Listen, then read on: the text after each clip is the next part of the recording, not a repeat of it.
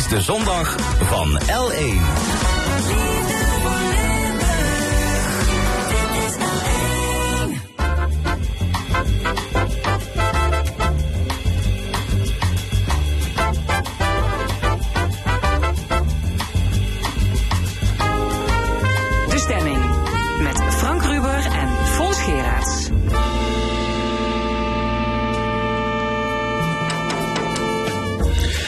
Welkom bij De Stemming, het interview- en discussieprogramma van L1 Radio. Vandaag met de volgende gasten. Annemarie Pente-Straken, ze stopt als burgemeester van Maastricht. Bestuurskundige Peter Hovens wil de band tussen kiezer en politicus versterken.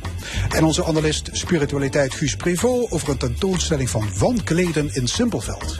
In het tweede uur praten we met CDA-Europarlementariër Jeroen Leenaars over misbruik van spionagesoftware, de asielcrisis en de Natuurherstelwet. Dan nog een column van Hugo Luiten en het panel discussieert over muiterij in Rusland, oproerend CDA Limburg en andere actuele zaken. Tot één uur is dit De Stemming.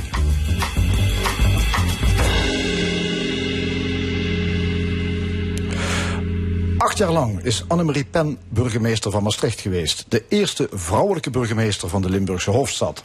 Haar komst was in 2015 enigszins opmerkelijk, want Pen is geen lid van een politieke partij en ze maakte eerder carrière bij het Openbaar Ministerie en de rechtbank. Als burgemeester geeft ze graag hoog op over de schoonheid van haar stad, maar ze waarschuwt ook voor toenemende criminaliteit en de problemen met de omvang van asielzoekers in de regio Zuid-Limburg. Onze eerste gast, Annemarie Pen te Straken. Mevrouw Pent, welkom. Dank je. Eh, als je 17 bent, moet je stoppen als burgemeester. Ja. Eh, had u er anders graag nog een paar jaar aan vast willen plakken? Dat is een lastig te beantwoorden vraag. Want ik, ik weet niet beter dan dat ik op mijn zeventigste stop. Maar ik vind het, want dat is als rechter ook bijvoorbeeld. Dat moet je, mag je ook tot je zeventigste. Maar ik vind het toch wel gek dat, uh, dat de wetgever denkt dat mijn hersens ineens in elkaar storten.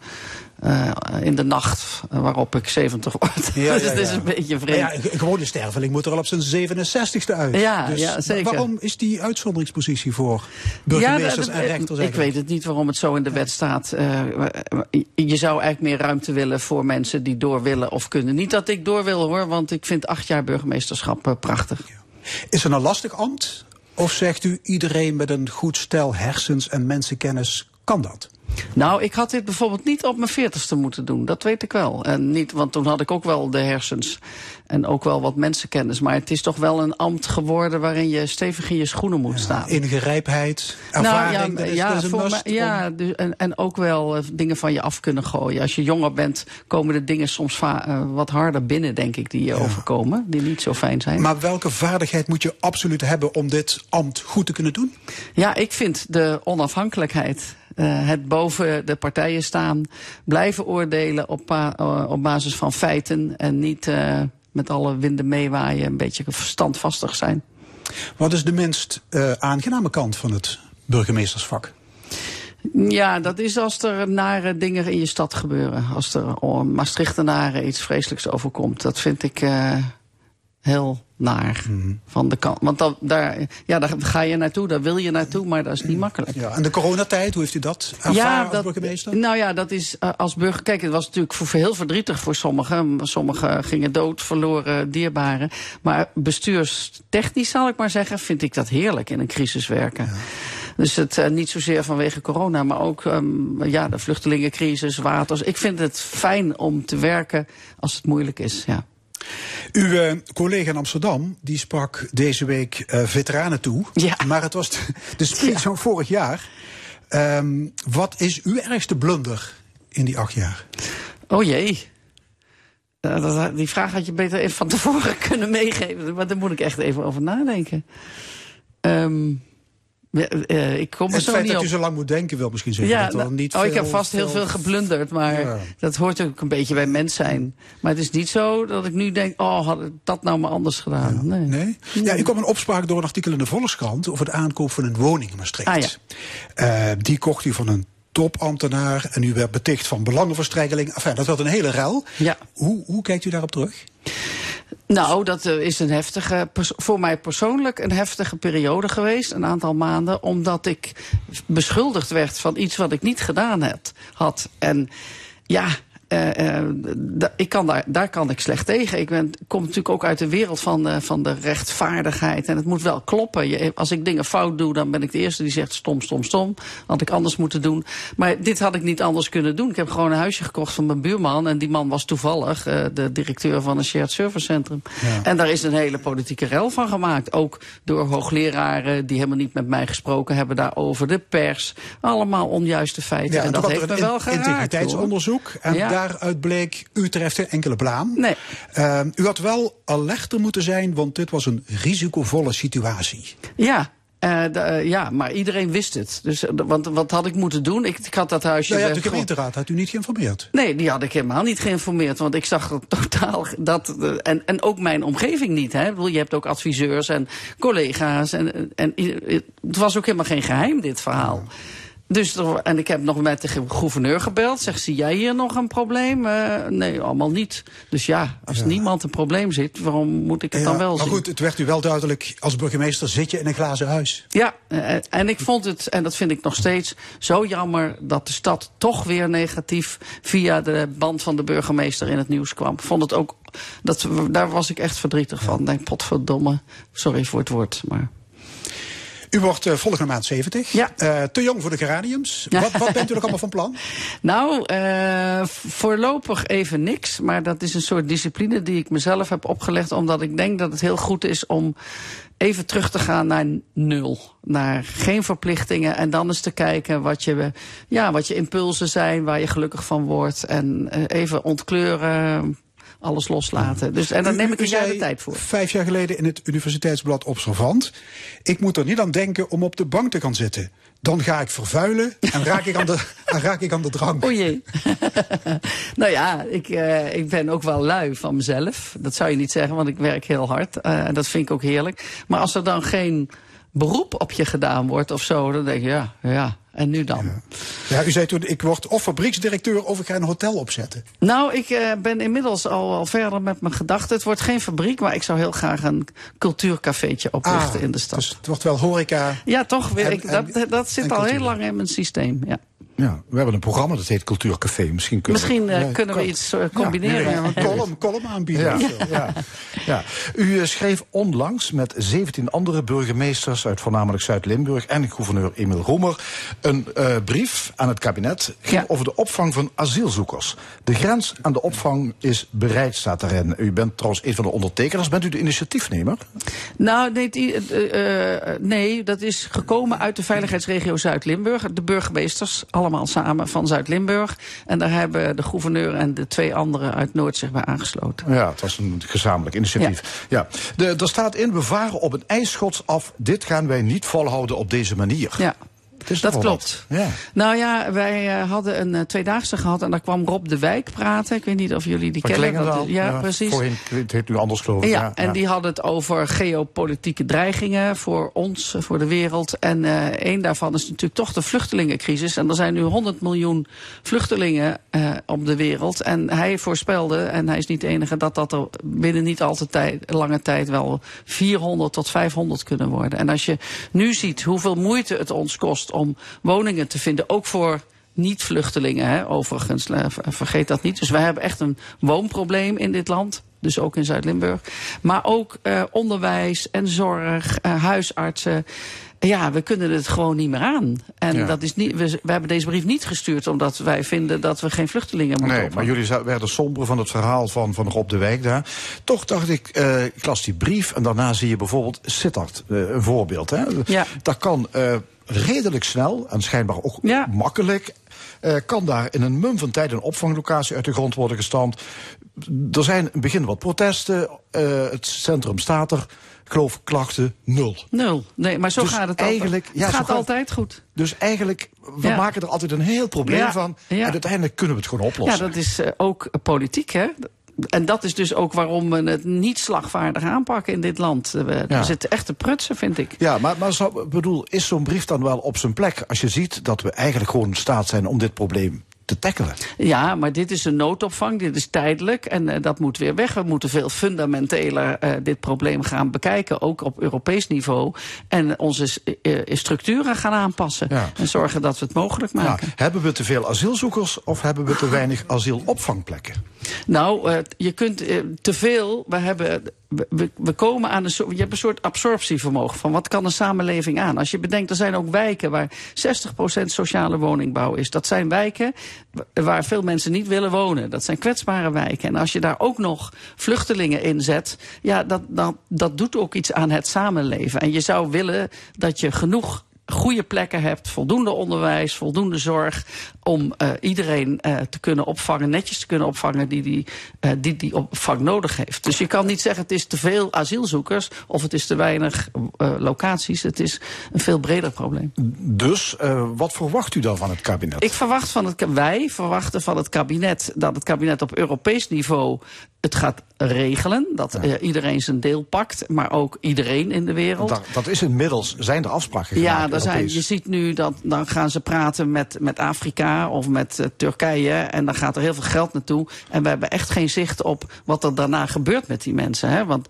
ik, ja. ik, je hoort ook verhalen over dat in Turkije wordt gewoon, er, er gaat het geld naartoe. En die houden die Syriërs tegen. Of de, uh, ja, maar dat is niet vluchtelingenopvang. Dus, uh, ja. wat vindt u dan? Die, die vluchtelingen nou, moeten beter opgevangen worden in Turkije, nou, in wij moeten echt op wereldniveau gaan nadenken. Zijn er nou plekken waar je, waar je gewoon meer mensen kan huisvesten? Hè? Kijk, Afrika is op heel veel plekken nog heel erg leeg.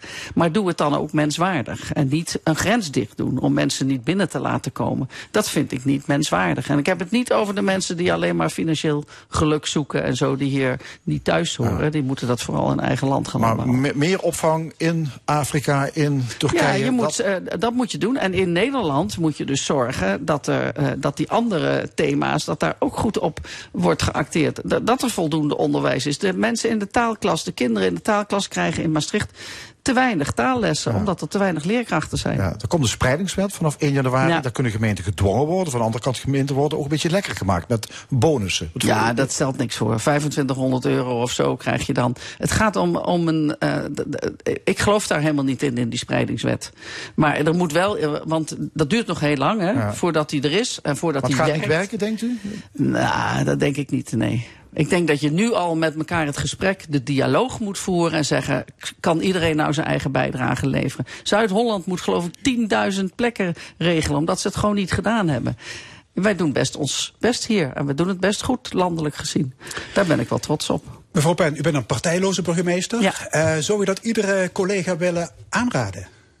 Om niet nou, lid te worden? Um, ik, ik, ik, uh, nou, niet per se, nee. Want uh, wat, uh, ik zie dat mijn collega's, of ze nou wel of niet lid van een partij zijn, en de meeste zijn dat wel natuurlijk, ook heel goed boven partijen kunnen staan. Ja. Ook heel Want dat, goed... dat moet je ook als burgemeester, hè? Ja, ja. Dus zo'n partijkaart ja. is dan van, eigenlijk van geen allerlei waarde. Nee, dat, nee. en ik zie dat mijn collega's dat heel goed kunnen. Ik, merk, ik, ik weet nog niet, als je me nou vraagt waar is die of die van Simpelveld of zo lid van, ik weet het niet. Ja, omdat dat is ook dat het allerbeste, als je niet weet ja, wat de partijkleur is, ik toch? weet het echt niet. Ja.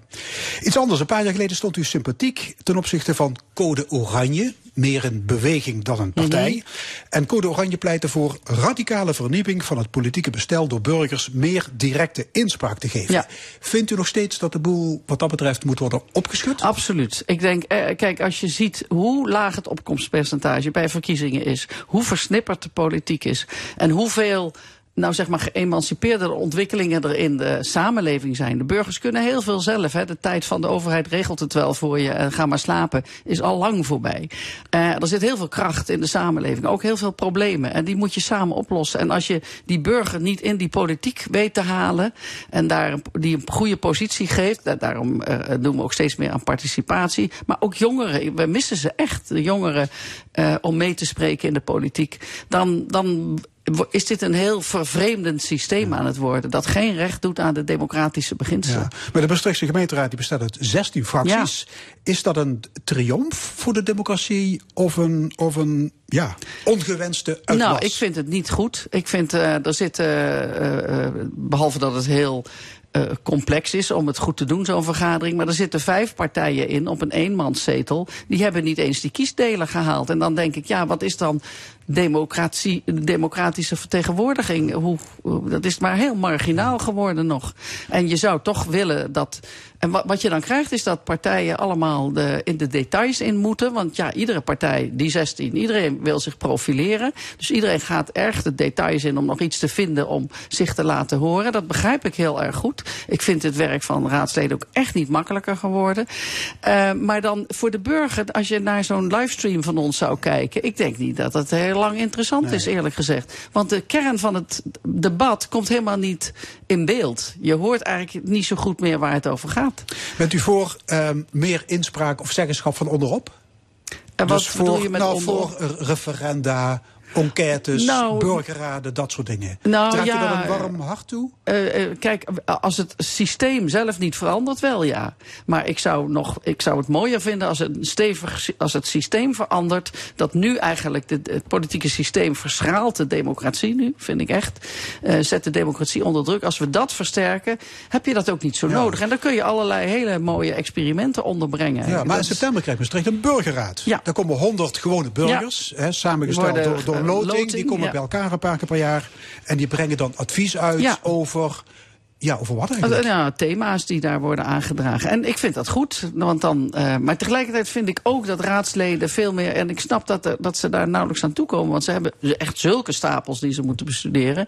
Maar dat ze veel meer die wijken ingaan. En liefst ook met z'n allen. En dat, je, dat ze het op gaan halen. Maar er is nauwelijks tijd voor. Ja. Dus zo'n burgerberaad gaat dan echt wel helpen. Ja, maar als een burgerraad zegt bijvoorbeeld woningsplitsing moet stoppen. Mhm. Want we hebben genoeg overlast van studenten.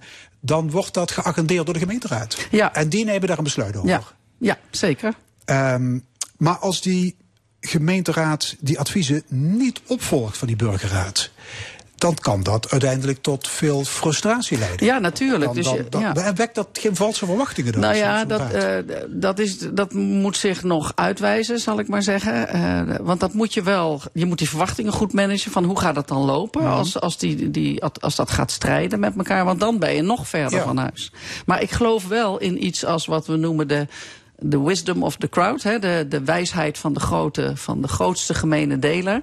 Daar geloof ik wel in. Als je uh, een, plein vol met mensen hebt en je, je, je, je laat een koe zien, dat is een heel oud voorbeeld. En je zegt, geef even, hoeveel weegt die koe? De een zegt dit en dan. En, maar als je het allemaal optelt en deelt door die 10.000 mensen die staan, dan komt precies het goede gewicht eruit. Ja, ja. Dat vind maar ik de wel... meerderheid heeft niet altijd per definitie gelijk, toch? Of wel? Nee, ja, wat is gelijk? Dat is ook een sub subjectieve beleving natuurlijk. U heeft uh, lang gewerkt bij het Openbaar Ministerie, bent ook rechter geweest. En dat komt ook wel vaak terug, merk ik, in uh, de zorgen die u heeft over bijvoorbeeld de criminaliteit in uh, Zuid-Limburg, als voorzitter ook van de veiligheidsregio. Um, Waar zitten uw grootste zorgen op dat gebied? Nou, de zorgen zitten niet zozeer bij de. Want u zei in de introductie ja. ook de toenemende criminaliteit. Ja. Daar, dat is niet mijn zorg. Mijn zorg is de afnemende capaciteit bij de politie. En überhaupt in de strafrechtketen. Oké, okay, criminaliteit op zich neemt niet toe. Nou, nou uh, als je bijvoorbeeld in Maastricht kijkt, dan neemt de criminaliteit niet toe. Het gaat juist steeds beter. Wij weten niet precies, uh, als burgemeester ga je daar ook niet over, wat zich op het internet afspeelt. Daar hebben we wel allemaal zorgen over. Ja. Als ik zie dat de drugsdeals op straat afnemen, dan denk ik, ja, ik, dat is fijn voor de openbare orde. Maar volgens mij gaat er veel via het internet die voordeur in. Ja, dat is, dat is Maastricht. Dus dat maar is, als je over Zuid-Limburg ook in, in kijkt... Lim, of heel Limburg, want ik ben dan regioburgemeester voor heel Limburg. En vanuit daar heb ik inderdaad gezegd dat als het gaat om de aanpak van de, van de strafbare feiten, politie en justitie te weinig capaciteit hebben. En dat is iets anders dan dat de capaciteit toeneemt. We hebben wel, als je even bedenkt dat de politie heeft capaciteit voor drie TGO's, noemen we dat. Dat zijn de grootschalige onderzoeken. Ja, dat is bij, bij maar we hebben en er veertien in Ja, Limburg. ja. Nou, dan weet je genoeg. Ja, wat, wat betekent dat voor, voor de veiligheid? Als dus uh, te veel rechercheurs, als er meer rechercheurs nodig zijn dan, dan er is, dan de capaciteit Ja, is. dan- wat betekent dat- voor de rest van de politie? Ja, Zorg. ja dat is, die staat dus ontzettend onder druk. En eh, kijk, de noodhulp en zo, dat is, daar, daar, dat ga, daar komt niemand aan. Dat Ja. is duidelijk als het echt om... Maar als je fiets gestolen wordt, kun je het echt wel Nou vergeten. ja, dat soort dingen, dat, eh, daar, dat, dat kan natuurlijk niet. Politie moet vaak nee zeggen en dat wil je niet. En gelukkig hebben we het nu voor elkaar dat in landelijk de minister besprook, besloten heeft om een, het budgetverdeelsysteem, zeg maar, het, het capaciteitsverdelingssysteem, opnieuw te gaan bekijken. Want wij, met onze grensligging hier in Limburg, hebben wij veel meer werk door die grensligging dan als je in Utrecht een probleem hebt. Iedere strafzaak van ondermijning heeft een internationale component. Dat wil zeggen dat de politie naar het buitenland moet. Dat vraagt heel veel meer extra werk. En dat, ja, dat hebben ze in Utrecht niet, hè? of in Amsterdam. Eh. Nee, nee. en u hamert wel ook al langer ja, op. Ja, je zou meer moeten samenwerken doen over die grenzen heen. Ja. maar nou, de samenwerking over de grens gaat wel goed, maar die capaciteit die komt niet. Nee, nee. en dat, dat, is, dat is toch vreemd, dat die, die argumenten van u, hè, die grensligging, dat vindt blijkbaar geen, geen nou in Den Haag. Ja, Hoe maar, kan dat? Ja, omdat Den Haag, en een, een, een schokkend voorbeeld vond ik uh, dat de grens met België ineens dicht was in coronatijd. Terwijl ze dat volgens mij in uh, Den Haag niet eens door hadden. Nee. Den Haag is veel te weinig. een Belgisch initiatief. Nee, zeker. Maar dan ga je daar toch over praten als, als kabinetten. Dan zeg je, ja, wat doe, wat doe ik mijn buren aan? En uh, moeten we dit wel doen? Uh, en er is te weinig benul in Den Haag over de betekenis van grensligging. En wa wat de gevolgen zijn van bepaalde besluitvorming in Den Haag of Brussel of ja. Berlijn. Voor ons hier grensinwoners. Ja. Zou je los van de capaciteit misschien ook zelf misschien niet slimmer uh, op allerlei manieren kunnen samenwerken om die criminaliteit te bestrijden? Ja, zeker. Met meer partners ook. Hè. En dat doen we ook. Want het is niet alleen de politie die voor de veiligheid moet zorgen. Dat, dat gaat ook over woningbouwverenigingen. Maar ook de Universiteit Maastricht. Die, heeft, die zit in de Smart Service Center uh, campus in Heerlen. Uh, met, met de politie samen om gewoon slimme technieken te bedenken. Om, om boeven te vangen, om dingen te regelen. Ja. Ja, u zegt overigens, ja, Den Haag luistert niet. Van de andere kant, Heerlen uh, vroeg uh, 1 miljoen voor de aanpak van criminaliteit, met name onder jongeren. Er kwamen jeugdboa's, of er werd geld gevraagd voor jeugdboa's, jongerenwerkers. De gemeente vroeg 1 miljoen en kreeg 6 miljoen uit Den Haag. Ja, wij zijn vallen nu, dat is dat preventie met gezagprogramma. Daar, ja. daar zijn nu Venlo en Sittard Geleen Maastricht ook bij aangesloten. Op verzoek van Den Haag overigens. Dat is ook, uh, ja. Maar Heerlen heeft ook een heel ander probleem. Hè? Ja. Ik bedoel, dat moeten we niet onderschatten. Dat, dat, wij altijd klagen, er wordt niet naar ons geluisterd, we krijgen geen geld. Heerlen kreeg meer dan nee, ze maar geld, met geld, uh, dat is dus precies het punt. Met geld alleen los je het niet op, want er zijn geen mensen. Maar waar je het wel mee kan oplossen, die bijvoorbeeld die internationale problematiek, is met andere wetgeving, regelgeving. Een heel ander voorbeeld. Als jij een thuiswerker bent uh, in België en je, je, uh, je woont in België en je werkt hier, ja, dan kom je dus niet in aanmerking voor allerlei geld. Dat is gewoon wetgeving die veranderen moet. En dat duurt eindeloos. Dat was met corona ook een enorm probleem. Och, nou, ja. enorm. Ja. Er, er, zijn echt idiote toestanden ontstaan. En dus het gaat niet eens per se om geld. Het gaat, want mensen, overal is het mensen tekort. Hè? Wat je noemt het maar, de zorg, onderwijs, dus ook politie. Maar het gaat ook over wet en regelgeving. Of verander voor de politie is de bepaling dat iedereen die bij de politie werkt Nederlander moet zijn. Waarom? Waarom kunnen we niet voor de niet-blauwe taken mensen uit België, zo goed als we ook Belgische verpleegkundigen ja, hebben? Bureauwerk dus. Uh, ja, zeker. Ja. En dadelijk moet u al die dossiers loslaten. Ja, heerlijk. Oké, okay. Annemarie Penterstrake, hartelijk dank voor dit gesprek. Graag gedaan. Zometeen de stemming bestuurskundige Peter Hovens. Hij schreef een boek over de kloof tussen kiezer en gekozenen en hoe het vertrouwen kan worden hersteld. Eerst de zingende loodgieter uit Sheffield, Joe Cocker.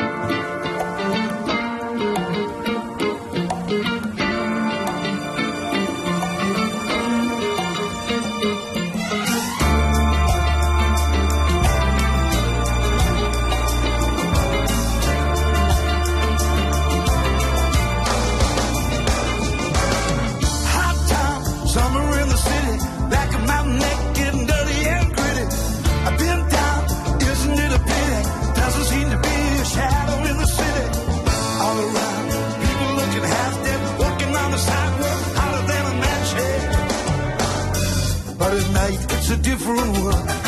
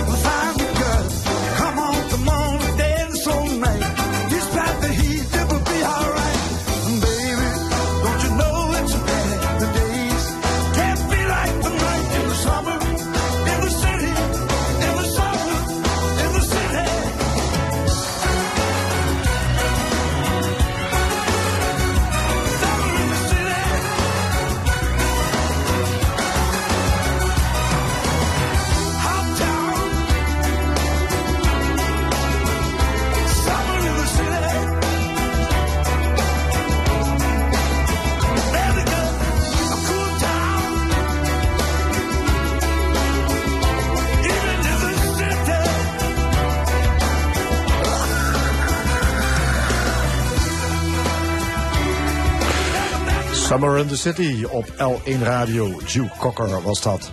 Er is onwagen in de samenleving en dat vertel ik niks nieuws. En dat leidt tot een vergroting van de kloof tussen burgers aan de ene kant en politiek en overheid aan de andere kant. Bestuurskundige Peter Hovens zocht naar concrete oplossingen. Volgens hem is er werk aan de winkel voor de politieke partijen. Hij schreef er een boek over, getiteld Samenwereld. Aan tafel Peter Hovens. Meneer Hovens, welkom. U bent uh, wethouder geweest in Schinnen, in Beek en Meersen. Met dit boek gaat u terug naar uw roots als uh, bestuurskundige. Ja, ja, goed. eh, Bestuurskundige ben je als je maar bent voor het leven, zal ik zeggen. Dus ik was ook uh, natuurlijk als wethouder, uh, had ik mijn bestuurskundige inbreng. Uh, dat is gewoon een deel van je leven, zo, zo werk je. Ja, het is een behoorlijk boek geworden, 300 bladzijden. Ja. Wat was de motivatie om zo lang en zo diep in deze materie te duiken? Nou kijk, als bestuurskundige, ik heb dat ooit gestudeerd in, in Twente, dan ben je al, laat ik zeggen, wetenschappelijk bezig met uh, deze materie, met dit vraagstuk. Dan lees je natuurlijk ook wetenschappelijk werk, daar ga je erover nadenken. Maar daarnaast ben ik ook in de praktijk actief geweest. Uh, als politicus. Maar ik heb ook gewerkt uh, 17 jaar lang bij de gemeente Maastricht bijvoorbeeld als ambtenaar. Uh, en zoals u zegt, drie keer wethouder geweest. Uh, daarnaast, uh, ik heb een adviesbureau, dus ja, ik werk Maar je als- komt dan dingen tegen waarvan u zegt, dat, dat zit niet goed, ik, ik ga dat eens opschrijven. Ja, precies. Ja, je komt een heleboel di- dingen tegen waar je van afvraagt waarom, waarom functioneert dat zo? Kan dat niet anders? Je ziet een heleboel onvrede, onbehagen, mensen haken af. We hadden net een, het gesprek met mevrouw Pen ging het daar ook over. Mensen die niet meer gaan- gaan stemmen. Ja, dat is gewoon niet goed. Hè. De, de democratie staat onder druk. Uh, Herman Willink heeft daar ook over geschreven. Zeg maar de democratische rechtsorde. Ja, hij doet ook een oproep van mensen sta op, ga iets doen om deze te beschermen. En ik De het eerste, ook als zin, een... ja, de eerste zin van dit boek. Het piept en het kraakt in ons land. De ene maatschappelijke crisis stapelt zich op de andere. Ja. Is dit betonrot? Is dat een systeemcrisis? Of is dit een wat, ja, een, een soort opeenstapeling van ongelukken, van incidenten? Nee, nee, nee, nee. Het zit echt heel diep. Het zit echt in het systeem. Uh, kijk, als het incidenten waren, die kun je wel oplossen. Maar uh, kennelijk zijn we niet meer in staat om grote maatschappelijke vraagstukken om die op een goede manier aan te pakken. En het lijkt wel of, of het steeds uh, erger wordt. We rennen van de ene naar de andere. Ja, dan hebben we het over het klimaat en de Ja, intensieve veehouderij en de landbouw, Ja, de, de- de de- stikstof, asielopvang, Ja. woningnood, dat Juist, soort en het gaat maar door, het gaat maar door. En we zijn niet in staat om op te lossen. Dus ergens gaat het fout. En dat is, zit niet aan de oppervlakte. Het zit, uh, zit echt heel Ja, diep zijn we in, niet eh, in in staat systeem. om ze op te lossen of hebben we dingen te lang op hun beloop Ja, dat, dat, dat is misschien eh, wel hetzelfde. Hè. Eh, op het moment dat je het te lang op je loop, beloop laat, ja, dan, dan wordt het ook steeds moeilijker om het op te lossen. Zeker. Dus je zult meteen, wanneer je de signalen ontvangt, als je daar serieus mee omgaat, dan kun je vroegtijdig stadium, uh, kun je daarop inspelen, kun je daarop antici- anticiperen en de goede maatregelen treffen. Ja, maar nu de oplossingen too little, too late. Ja, precies. En dan wordt het tijd om, om na te denken van, uh, god, uh, deugt het systeem uh, misschien niet? En als het niet deugt, wat, wat moeten we dan anders gaan doen? En dat is eigenlijk, de kern van het boek. Ja. En je ziet nog altijd weinig daad, daadkracht, hè?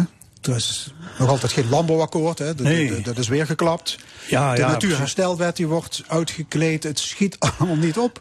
Nee, dat, dat, dat, dat is ook zo. En uh, bedoel, kijk, het vertrouwen is ook weg. En dan zit er een kabinet.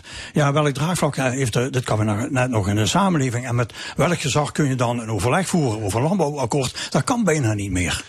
Er is onbehagen bij de kiezer, zegt u, bij de Ja. burger. Gebrek aan vertrouwen. Uh, dat blijkt bijvoorbeeld uit de lage opkomst van, uh, van de verkiezingen.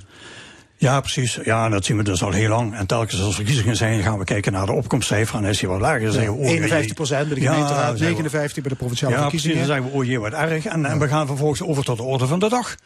En iemand die af, afvraagt van, wat zouden we daar aan kunnen Ja, doen? want als de partij van de niet-stemmers steeds de grootste is, ja, dan is er wel aan de hand, hè? Ja, precies. Dan zouden ja. alle alarmbellen moeten, moeten afgaan. Ja, die gaan uh, af op de dag van de verkiezingen. En dan Sandra Duits is het weer. Ja, eh, precies. Ja. ja. Ander probleem, uh, of ander voorbeeld. Politieke partijen die kampen met een dalend ledenaantal. Ja. U vraagt wel eens aan mensen, ook aan politiek geïnteresseerden... waarom ben je geen lid van een politieke partij? Ja. En wat krijgt u dan te horen? Ja, toen kreeg te horen zeggen, ja nee, daar ga ik niet aan beginnen. Nee, daar en dat uh, wespennest ga ik mij niet begeven. Nee, als ik zie hoe, hoe ze vergaderen, daar heb ik geen zin in. Dus mensen hebben geen zin, geen interesse om die stap te zetten naar de politiek, terwijl ze wel politiek geëngageerd zijn. Opvatting hebben en dan denk ik van, jij zou heel waardevol kunnen zijn en bijdrage kunnen leveren aan uh, de samenleving uh, door middel van, van het bedrijven van politiek. Maar ze zetten die stap niet, omdat ja, de, de politiek zich op de een of andere manier, ja, op een verkeerde manier Ja, want je kunt alleen dingen veranderen als je zelf in actie komt. Ja, precies. Kijk, en die mensen uh, die, die komen wel in actie, maar die gaan andere dingen doen. Maar niet in de politiek. En dat vind ik jammer. Ja, u zegt echte veranderingen gaan gepaard met idealisme. Voelt u anno 2023 dat er te weinig idealistisch elan in de lucht hangt? Nee, dat idealisme is er wel. En ik proef dat ook bij veel mensen. Maar de, dat, dat op de een andere manier kan, uh, vindt zij, dat, dat zich uh, zijn weg niet in die politiek. Want eigenlijk zou het aan moeten plaatsvinden. Echte veranderingen moet je tot stand brengen, zeg maar, via het politieke kanaal. En ja, dan blijft dat idealisme ergens hangen of, of, of op een te laag niveau. Ja, en, en dan, dan verknoeien we gewoon, uh, laat zeggen, talenten. Ja, dat is buitengewoon spijtig. Citaat, we zijn bezig met het vernietigen van de aarde omdat de markt daar geen oog voor heeft en de overheid niet in staat is om afspraken te maken. Ja. Um, u vindt eigenlijk dat het probleemoplossend vermogen van de overheid dat dat ernstig tekort schiet. Hè? Ja, precies. En daar verwijst u naar de revitalisatie van de jeugdzorg, ja. van de politie, passend ja. onderwijs, Ja. yo-yo-beleid. Ja. Hoe komt dat? Waarom is er geen consistentie van beleid? Uh, dat, dat heeft alles te maken met de manier waarop de overheid omgaat met het maken van beleid. Op het moment dat je ziet dat er een maatschappelijk vraagstuk is, een maatschappelijk probleem, en je wilt dat oplossen, dan zul je op de eerste plaats moeten afvragen van hoe ziet dat probleem eruit. En verder, uh, en meestal is het zo dat men niet verder kijkt dan de eigen neus lang is. Van ik zie een probleem, dan ziet dat er zo uit. Maar vragen dan anderen hoe het eruit ziet, die hebben daar een ander beeld bij. En dat andere beeld is ook relevant. Dus op de eerste plaats zul je dat, dat probleem in al zijn facetten moeten, okay, moeten dus in het is beeld nu te ad hoc. Ja, dat wordt uh, ad hoc, snel, ja, je noemt ook wel jumping in, to solutions. Ja, niet integraal wordt het bekeken, ook niet nee. op de langere termijn. Nee. En, en, en, dat zijn processen die kosten tijd en energie, maar die zijn wel heel zinvol. Dus je zult eerst het probleem in zijn omvang in beeld moeten brengen. En vervolgens zul, zul je een analyse moeten maken van waar komt het probleem vandaan. En pak een willekeurige beleidsnota van een gemeente of de Rijksoverheid. Ga op zoek naar de analyse. Je vindt hem niet. Want hij is er niet. Ze maken hem niet. Ik vergelijk dat wel eens met uh, zoals een, een arts werkt. Als je een probleem hebt, een, een, een, een ziekte, dan stelt hij eerst een diagnose. En daarna de therapie. Maar er wordt niet eens een diagnose gesteld. Hoe kun je dan een goede therapie maken? Dat gaat niet. U zegt het moet anders omdat het moet en omdat het kan. Ja. En dan niet pleisters plakken, maar de boel grondig van, van de grond af aan opnieuw opbouwen. Ja, precies. Dan begonnen we dit gesprek over ja. dat, dat, dat, dat die problemen stapelen zich op en we krijgen niet opgelost. Dat gaat dus niet met pleisters plakken. Je zult dieper moeten gaan en zeg maar in het systeem moeten duiken om daar uh, dingen aan te passen. Ja. Gaat er eigenlijk nog iets, uh, iets goed in dit land? Jawel, er, er gaan natuurlijk gaan er een heleboel dingen goed. En, en daar, daar mogen we ook best blij mee zijn. Maar er gaat ook veel te veel fout wat niet nodig is. En ja, we hebben het over mensen die zijn afgehaakt. Ja, dat, ik vind dat dat niet kan. Nee, maar, maar toch zijn burgers over het algemeen heel tevreden, blijkt uit ieder onderzoek. He, bij mij gaat het goed, maar ja, met de rest van Nederland, met de samenleving gaat het niet goed. Nee, precies. Uit onderzoeken blijkt dat ook dat de mensen best tevreden zijn over zichzelf en, en waar ze in de situatie waar ze in verkeren. Maar uh, met ons allemaal gaat het niet goed. En dat ons allemaal, dat vind ik wel uh, zeker zo belangrijk. Aan het eind van het boek komt u met een waslijst aan oplossingen, ja. uh, zoals referenda en burgerraden. Dat kwam in het vorige gesprek met burgemeester Pen ook al aan de orde. Moeten we het vooral in, in die hoek zoeken? Nee, nee, nee, dat is vooral geen oplossing. Ik ben uh, geen voorstander van een referendum en ook niet van burgerberaden. Ik, vind, ik heb net verteld uh, hoe belangrijk het is om het probleem in beeld te krijgen en analyse te maken. Daar, in die fase, daar heb je de burger voor nodig. Je zult de burger daarin moeten betrekken. Vanaf het allereerste begin burgers betrekken bij het oplossen van maatschappelijke problemen. En daardoor ook de burgers maar vragen en die serieus nemen en ze meenemen in een proces. Dat is wat je moet doen. En niet achteraf, als er een besluit is genomen, de burger nog een keer vragen om daar een mening over te hebben. Hmm. Ik vind dat daar de, de, politiek is daarvoor. Dus burgerparticipatie, daar bent u nu wel of niet voor? Da, ja, daar ben ik voor maar, niet, voor. maar niet voor het instrument referendum of, of. Oké. Okay. Um, u zegt ook ergens, maak van Zuid-Limburg één grote gemeente. Ja. Waarom? Waarom? Um, als ik kijk naar... Uh, wat, wat er zich allemaal afspeelt. Ehm, de, de problemen waar, we, waar we gemeenten mee, mee, mee worstelen, dan zie je ze dat eh, de gemeentelijke grenzen overstijgen. En je ziet ook dat de gemeenten in Zuid-Limburg steeds meer samenwerkingsverbanden met elkaar aangaan, omdat ze zien van, ja, dat kan ik niet oplossen in mijn eigen gemeente, we moeten de samenwerking met anderen zoeken. Er is een onderzoek geweest van de Rijksuniversiteit eh, Groningen. Die hebben een mooi plaatje gemaakt van Nederland met samenwerkingsverbanden. Hebben ze ingetekend. Ja, en Zuid-Limburg uh, kleurt daar gewoon rood, paars van het aantal samen. Ja, maar zo kun je toch niet besturen. En dus als je kijkt van wat er zich afspeelt. Ja, neem maar uh, bijvoorbeeld arbeidsmarktbeleid. Dat is het niveau Zuid-Limburg. Toerisme, dat is Zuid-Limburg. Infrastructuur Zuid-Limburg. Energietransitie Zuid-Limburg. Uh, uh, ruimtelijke inrichting Zuid-Limburg. Het speelt zich allemaal af op het niveau van Zuid-Limburg. En als dat zo is, dan zullen dus ook het openbaar bestuur op dat niveau moeten Dus je organiseren. pleit eigenlijk voor één grote nieuwe her- gemeentelijke herdeling in Zuid-Limburg. en dan- Ook in Midden-Limburg en Noord-Limburg. Ja, wat, wat ik heb gedaan in mijn boek, ik heb, Zuid-Limburg als voorbeeld genomen. En ik heb uh, uitgelegd waarom het in Zuid-Limburg nodig is om te komen tot één gemeente. En vervolgens extrapoleer ik dat naar Nederland. En zeg ik, nou, dan komen we een stuk of veertig gemeenten, eh, gemeenten in Nederland. En voor Limburg specifiek betekent dat Zuid-Limburg, Midden-Limburg, Noord-Limburg. Het probleem is, dat krijg je natuurlijk nooit van zijn leven voor elkaar. Hè? Uh, dat kan wel. Ik bedoel, het zijn de, de politici, die zijn aan zet, die moeten dit willen. En als die willen is, dan kan het. Politieke partijen zegt u moeten aan reflectie doen. Welk appel doet u op politieke partijen? Nou, wat, wat ik in beeld breng, eh, misschien even uitleggen waarom het boek Samenwereld heeft, uh, heet.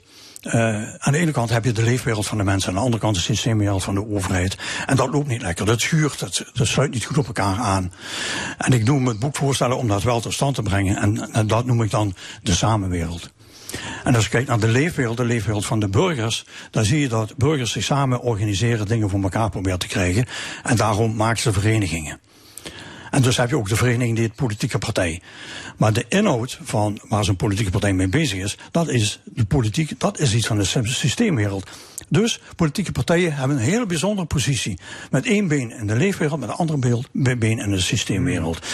En daar zit dan ook de sleutel van oplossingen. Maar de politieke partijen zijn veel te veel bezig in die systeemwereld. Ze zijn veel te veel bezig met, laat ik zeggen, het, het, het verhaal van de macht.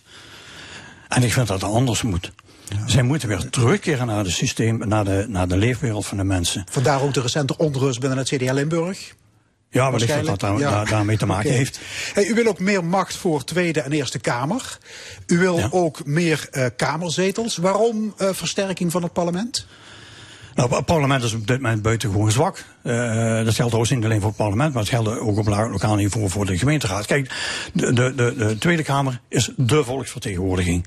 En ik bouw mijn nieuwe systeem op op het begrip volkssoevereiniteit. En dat betekent dat het hoogste gezag rust bij het volk.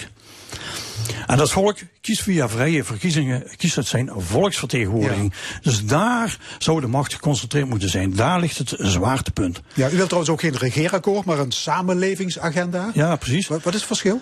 Ja, het verschil is, het regeerakkoord wordt gemaakt door het bestuur. Maar ik wil, ik wil juist dat accent leggen bij de volksvertegenwoordiging. De volksvertegenwoordiging, die vertegenwoordiging, die moet dat akkoord maken.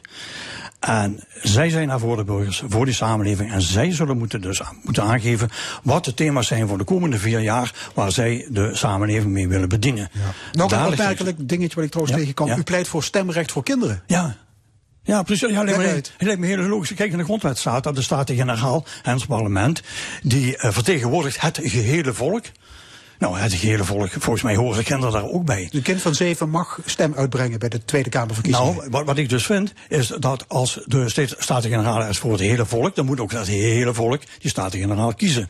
Dus ook kinderen alleen. Uh, in de praktijk wordt dat natuurlijk lastig. En daarom zeg ik van, ze krijgen wel een stemrecht, maar die wordt de facto uitgevoerd door hun ouders. Um, goed, als het wensenlijstje van u wordt uitgevoerd, dan komt het geloof in de politiek en het vertrouwen in de overheid weer helemaal terug? Ja, daar ben ik helemaal van overtuigd. En dan worden we allemaal heel gelukkig. Fijn. Peter Hovens, hartelijk dank. Het boek Samenwereld ligt in de winkel. En dit is L1 met de stemming. We zijn er tot 1 uur. Het wordt ruim 30 graden vandaag. Veel zomerse muziek dus in de stemming. En daar hoort Bob Marley en de Wailers natuurlijk bij. Jamming.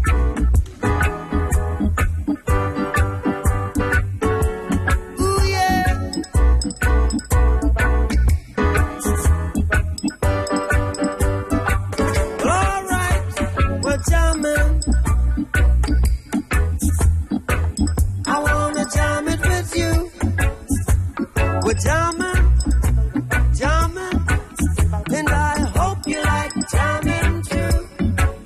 And the rules they don't we can do it anyhow. I and I will see you through, cause every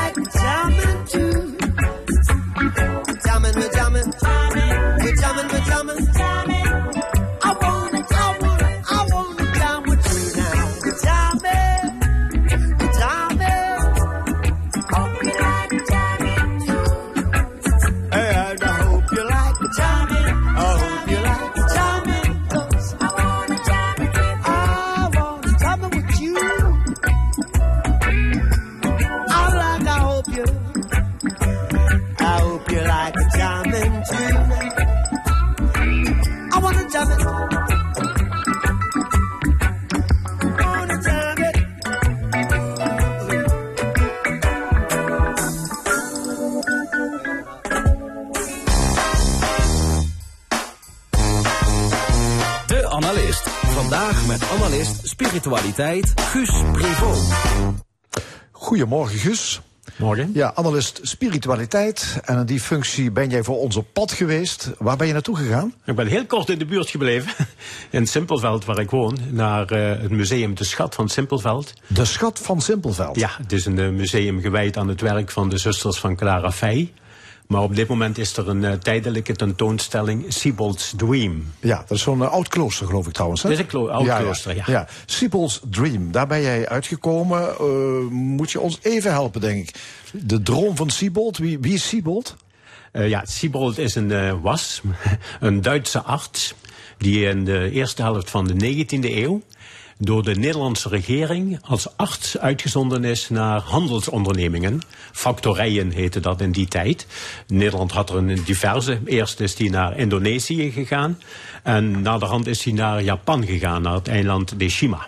Daar moet je je niet te veel bij voorstellen. Dat was een heel klein, bijna kunstmatig eiland. Waarop de Nederlanders, overigens als enigste ooit, eh, op die, in die tijd in Japan eh, mochten verblijven om van daaruit handel te drijven. Het waren de enige westerlingen. De enige in westerlingen, ja. Japan. Dus, eh, ja. ja, Dus, en ehm, en hij was dus arts. Dat was eigenlijk zijn eerste functie. Maar omdat hij dat toch was, kreeg hij van de Nederlandse regering ook de opdracht om allerlei dingen te verzamelen.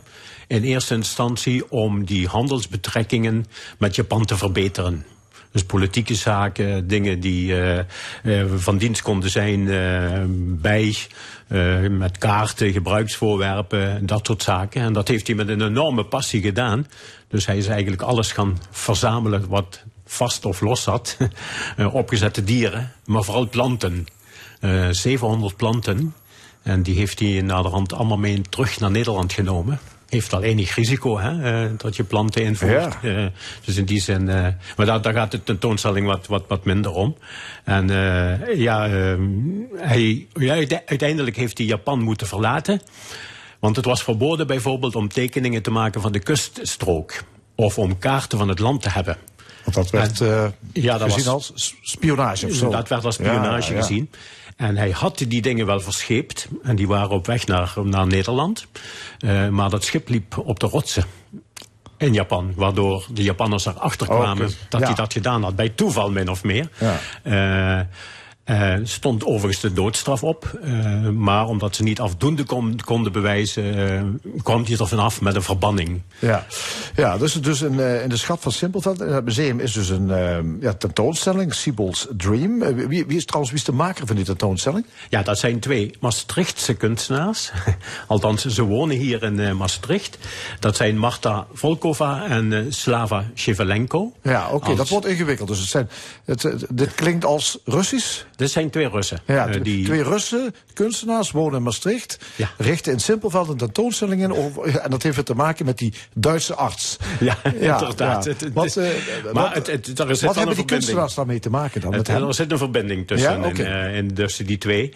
In die eh, of de, de, dus een echtpaar, Marta en Slava, dat is hun kunstenaarsnaam.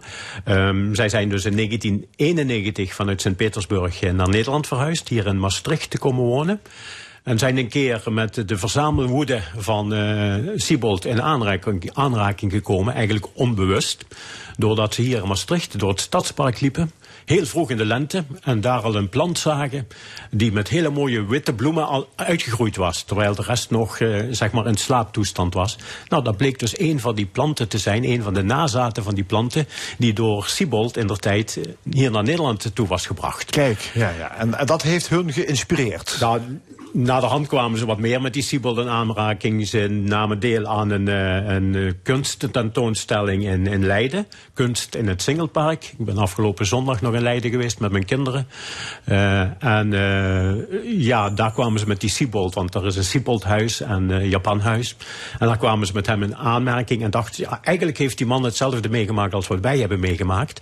Namelijk, hij is verhuisd naar een andere plek. En heeft daar weer zijn leven moeten inrichten. Om een voor hem vreemde plek. En dat Ja. hebben wij ook moeten doen. Ja, welke kunst zijn zij gaan maken die ja, er- ergens een verband met hem heeft? Wat voor soort kunst? Ja, wat, nu hebben ze, ze maken allerlei vormen van kunst, ook plastische kunst en zo. Maar dit hebben ze nu wandkleden gemaakt.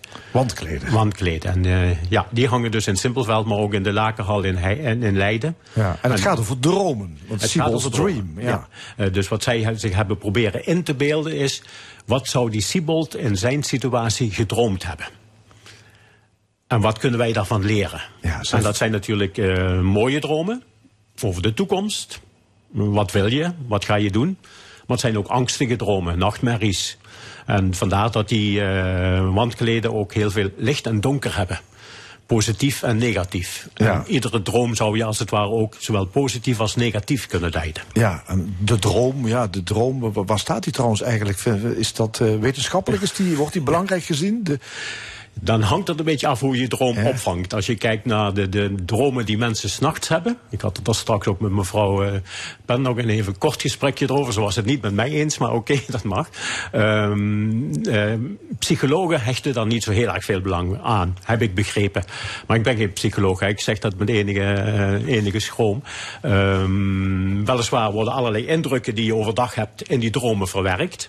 Maar op een zeer willekeurige manier. ja, maar, maar, Ik, aan mijn dromen kan ik nooit een, va- een, een touw vastknopen. nee, nee, maar in de kunst ja, staat het je vrij om de droom natuurlijk Tuurlijk. op waarde te schatten. Ja. Tuurlijk, als je kijkt naar de Bijbel zie je bijvoorbeeld dat de dromen een hele grote waarde hebben. Eh, dat het als het ware geschenk, Ja, geschenken van God zijn. dat het visioenen, hè? Ja. Visioenen om een betere toekomst. Ja. Of waarschuwingen. eh, dat je iets niet moet doen omdat het slechte consequenties zou kunnen hebben.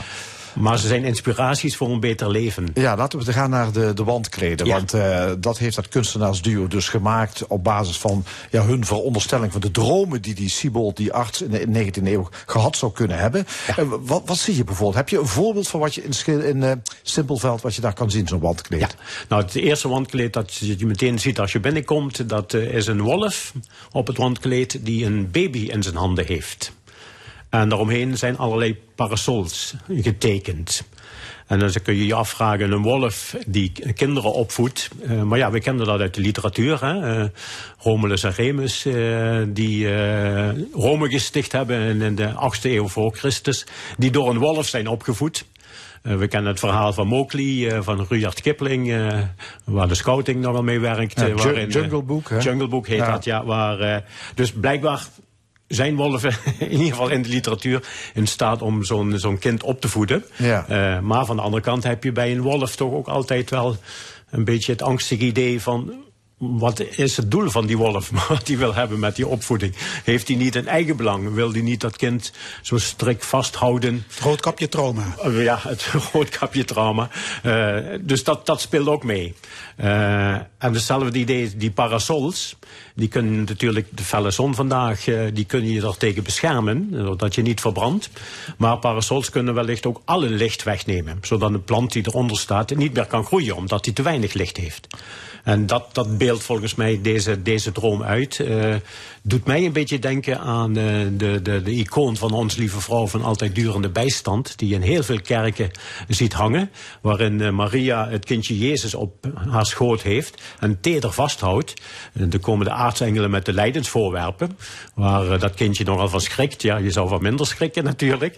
Maar als je goed kijkt dan zie je dat Maria hem heel zacht vasthoudt. En niet omklemt als Jezus ervoor zou kiezen om weg te gaan, zou die dat kunnen. Ja.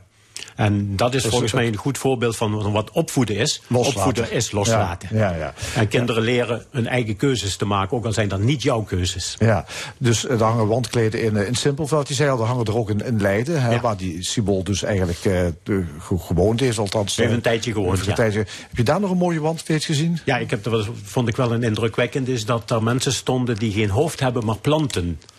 Dus eh, op de plek waar het hoofd zit, daar groeien planten uit. En eh, voor eh Marta en Slava is dat een verbeelding. Zij werken heel veel met het begrip mentale vrijheid. In welke situatie je ook zit. Voor Marta en Slava in Petersburg was dat een totali- totalitair systeem waar ze aan gebonden waren. En voor Sibold, dat kleine eiland. Je kunt met je denken alle vrijheid nemen die je wilt. Ja, oké, dat, dat is daar te zien. Dan moet je wel even voor naar Leiden. En eh, ja, tot slot wilde jij nog heel mooi afsluiten. Naar aanleiding van een vreugdevolle gebeurtenis. Ja, ja, dromen zijn iets om eh, natuurlijk eh, je visioen van een betere wereld gestalte te geven. Daar gaat het in de spiritualiteit en het geloof ook om. Vannacht is mijn achternichtje geboren, Olivia. En ik schrijf die meestal van... vele dromen zul je hebben, vele dromen zul je verliezen. Als je maar die ene droom behoudt, de droom van onze schepper... één wereld vol van gerechtigheid en vrede. Dat komt alvast op het kaartje te staan. Dat komt op ja, dat kaartje te proficiat staan. trouwens met je kleindochter. Dankjewel. Ja. Dankjewel, eh Guus. Eh, ik, ik noem even de Sibyl's Dream, Museum De Schat van Simpelveld, eh wandkleden van Marta en Slava. Straks in de stemming Jeroen Leenaars, lid van het Europees Parlement, over het migratiedrama, misbruik van spionagesoftware en de heisa rond de Natuurherstelwet. Verder discussiepanel, een column en nog veel meer. Blijf luisteren. Tot zometeen. Wegens succes verlengd. Het was Zondag in het Zuiden. De spektakelmusical over het hoogwater in Limburg. Met muziek van Rowan Herzen. Exclusief te zien van 19 juli tot en met 2 september in Tegelen. Al 25.000 tickets verkocht. Reserveer snel via hetwaszondaginhetzuiden.nl Geniet van Eredivisie voetbal in Limburg. Koop jouw Fortuna membership en bezoek met je seizoenskaart de thuiswedstrijden van zowel de mannen als de vrouwen. Meer Eredivisie voetbal voor hetzelfde geld. Bekijk de scherpe tarieven op fortunamembership.nl. Nu bij Van Mossel. Zorgeloze zomerdeals. Private lease voor een superscherp tarief en na 12 maanden kosteloos opzegbaar. Rijd direct en zonder zorgen in een splinternieuwe auto. Ga snel voor alle zomerdeals naar vanmossel.nl. Van Mossel, voor mobiliteit voor iedereen. Je huis beter isoleren is energie besparen. Juist nu. Dat kan met kunststof kozijnen van Creon. Nu met 5% koopkrachtkorting. Profiteer bij Van Mossel van bijna 3000 euro EV-subsidie. De komende weken is het hebben's bij Ben. Met bijvoorbeeld een sim-only met 15.000 MB en 200 minuten voor maar 10 euro per maand. Kijk op ben.nl. Ben jij klaar met dat vermoeide gevoel? Gebruik dan VitePro als aanvulling op je voeding. VitePro bevat een slimme combinatie van vitamine C en B12 die helpen om vermoeidheid te verminderen. Bestel VitePro nu voor maar 9,95 op vitepro.nl.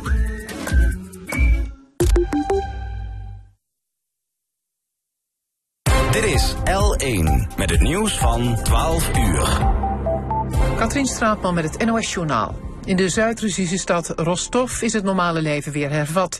Bussen en trams rijden weer en de wegen zijn weer open. Rostov werd in de nacht van vrijdag op zaterdag zonder slag of stoot ingenomen door Wagner-leider Prigozhin en zijn huurlingenleger. Na een overeenkomst met president Poetin heeft Prigozhin gisteravond laat de aftocht geblazen. Op een militair terrein in het Harde in Gelderland is vannacht een einde gemaakt aan een illegaal feest. De marechaussee kreeg rond 1 uur een melding van dat feest. Daar zouden op het hoogtepunt zo'n 300 tot 400 mensen zijn.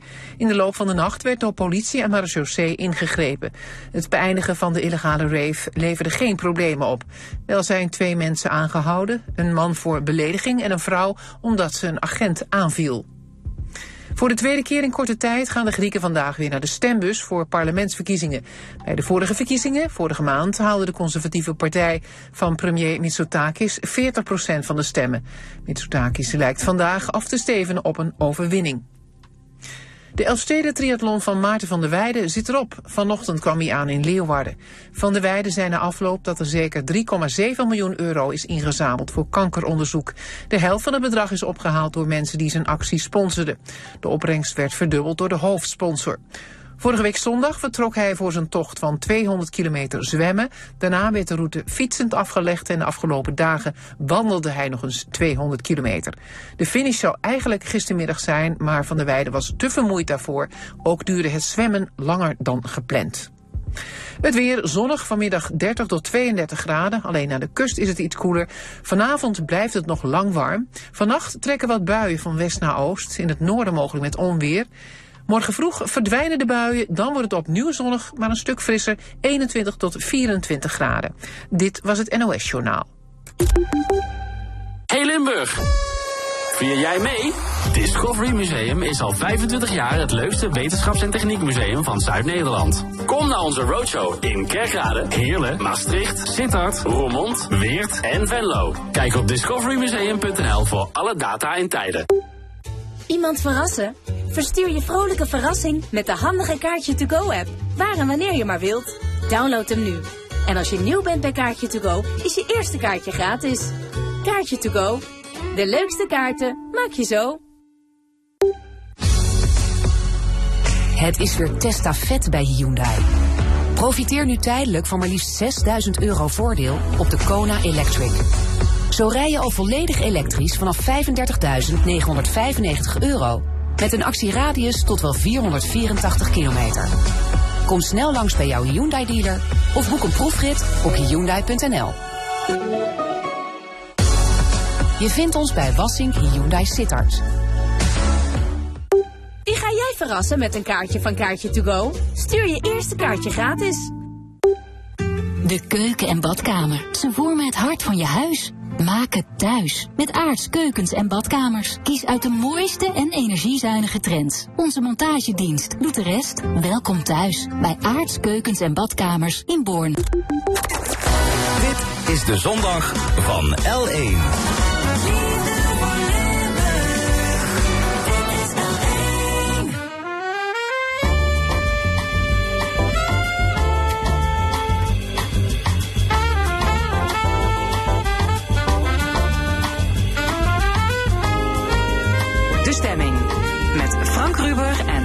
Geraerts. Bij de stemming en wat allemaal nog in dit tweede uur van ons programma. Straks het panel. Drie opiniemakers discussiëren over onrust in Rusland en andere actuele zaken. Een column dan ook van schrijver Hugo Luiten, maar eerst Jeroen Leenaars. Hij is een van de 705 leden van het Europees Parlement en maakt deel uit van de invloedrijke christendemocratische fractie. Ja, Europa actueel. Dan moeten we denken aan uh, de spanning rond de Natuurherstelwet, de scheepsramp met migranten en strenge regels voor kunstmatige intelligentie. En wat dat laatste betreft, er is een rapport verschenen over misbruik van spionagesoftware in Europese lidstaten.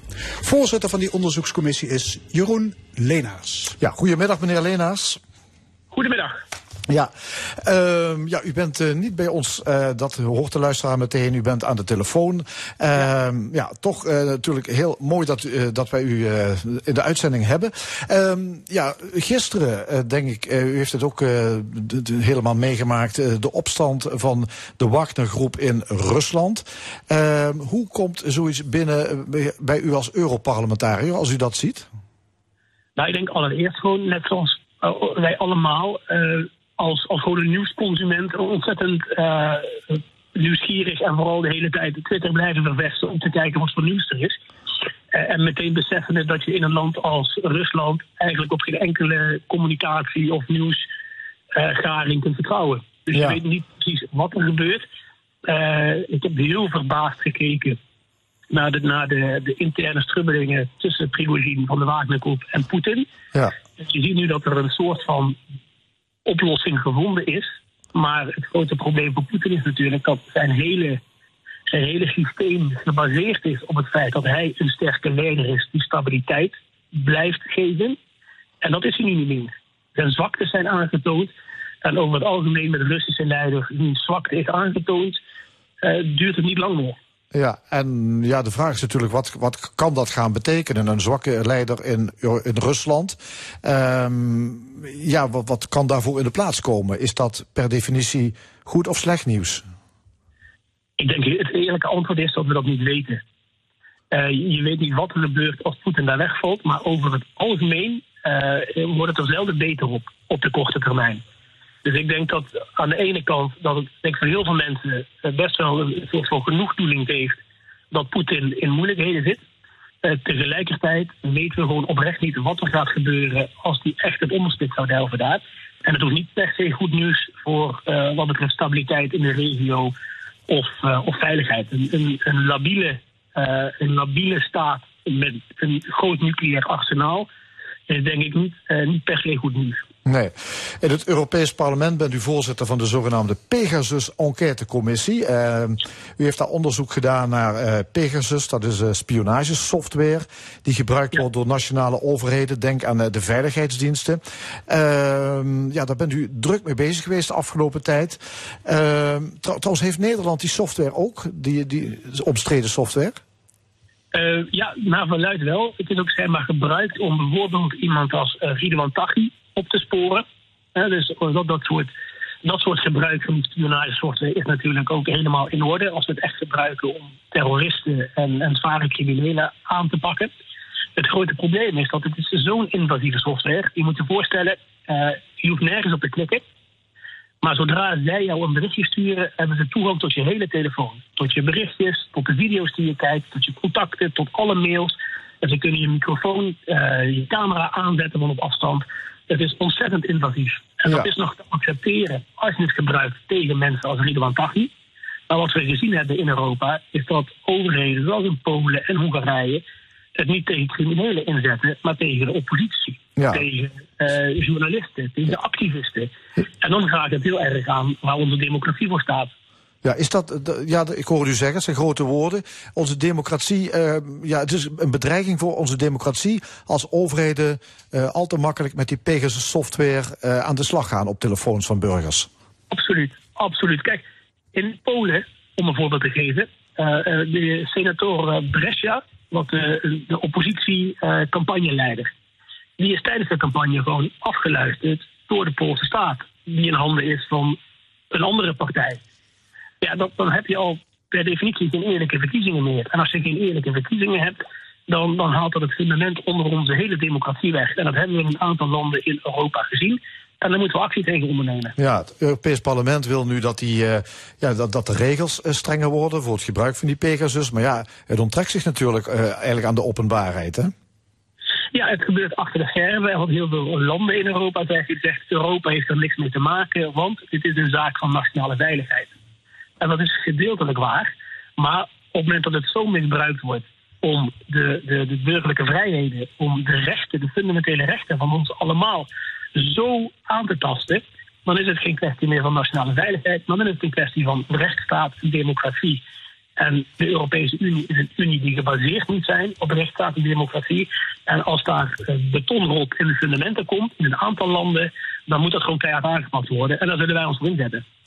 Meneer Lenaars, er is veel spanning over de natuurherstelwet van Eurocommissaris Frans Timmermans. Dat is een onderdeel van de Europese Green Deal. Het gaat om een pakket maatregelen om de natuur en de biodiversiteit te herstellen. De christendemocratische fractie in het Europees Parlement maakt flink stampij. Waarom liggen jullie zo dwars? nou ja, we maken flink stampij. We stemmen tegen het voorstel. Dat is natuurlijk ons democratisch recht. En het, uh, de, de, de tegenstem is niet omdat we de doelen niet delen. Ik denk dat iedereen in het parlement op een enkele uitzondering na echt wel heel goed beseft dat we natuur moeten herstellen. Met 81% van de natuurgebieden in Europa is het niet goed gesteld op dit moment. Maar waar wij heel bang voor zijn, is dat we straks uh, een traject ingaan op de manier waarop de wet nu vormgegeven is, die over 5 à 10 jaar het hele land weer platlegt, zoals we nu met de stikstof situatie zien. Maar Timmermans heeft al, al liters water bij de wijn gedaan. eerst mocht de natuur niet verslechteren. Dat is nu afgezwakt tot een inspanningsverplichting. Nou, plus nog een hele serie andere concessies. Dat gaat jullie nog, nog altijd niet ver genoeg? Nou ja, kijk, Frans Timmermans weigerde eerst om iets aan de wetgeving te veranderen. Pas toen we, zoals in uw woorden, uh, toen we stampij gingen maken, uh, is, hij, uh, is hij begonnen met een aantal concessies doen. Maar voor ons is het heel belangrijk dat die concessies ook, um, ook juridische zekerheid geven voor de toekomst. We zien nu, ook met stikstof, dat er ook een aantal inspanningsverplichtingen waren, in plaats van resultaatverplichtingen, die later door een rechter uitgelegd zijn als toch een soort van resultaatverplichting. Mm. En daarmee heb je dus problemen. Bijvoorbeeld, wat we nu met stikstof ook zien, dat we aan de, de, de Green Deal willen werken. We willen uh, uh, klimaatbewuster worden. Bijvoorbeeld door windparken te bouwen. En op sommige plekken in Europa, zoals ook in Nederland, worden windturbines krijgen geen vergunning. Omdat het om ze te bouwen eerst stikstof uitgestoten moet worden. En dat soort situaties willen wij voorkomen. We willen ook voorkomen dat straks buren, of boeren alsnog een extra laag bureaucratie over zich heen krijgen in vergelijking met wat we nu al hebben. En dat we kijken naar het feit dat we naast milieu, naast natuur, ook onze eigen voedselzekerheid. Eh, nee, oké, maar, maar we hebben te maken met droogte, met overstromingen, met klimaatverandering, het verdwijnen van ecosystemen. Dat heeft gevolgen voor de hele maatschappij. De politiek zal toch een keer moeten ingrijpen. Zeker. Maar, ik, ik, we moeten ook net niet doen alsof we helemaal niks doen. Nou, er zijn op dit moment in Europa, ik denk al 23 richtlijnen en verordeningen actief die zich specifiek op de natuur, biodiversiteit en dergelijke richten. We hebben de hele Green Deal op het, als het gaat om klimaat, of emissies van CO2, et cetera. hebben we allemaal al min of meer afgerond in het parlement met onze steun. Dus er gebeurt heel veel.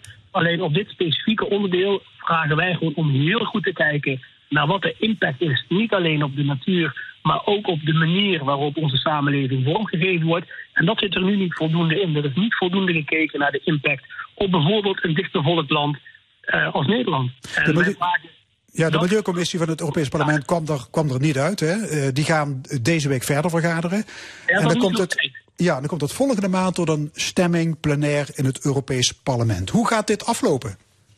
Ik, dat durf ik echt niet te zeggen. In de, de klimaat, of in de Milieucommissie zitten 88 Europarlementariërs het voorstel om het te verwerpen was een gelijkspel met 44-44. Dus er was geen meerderheid om het te verwerpen.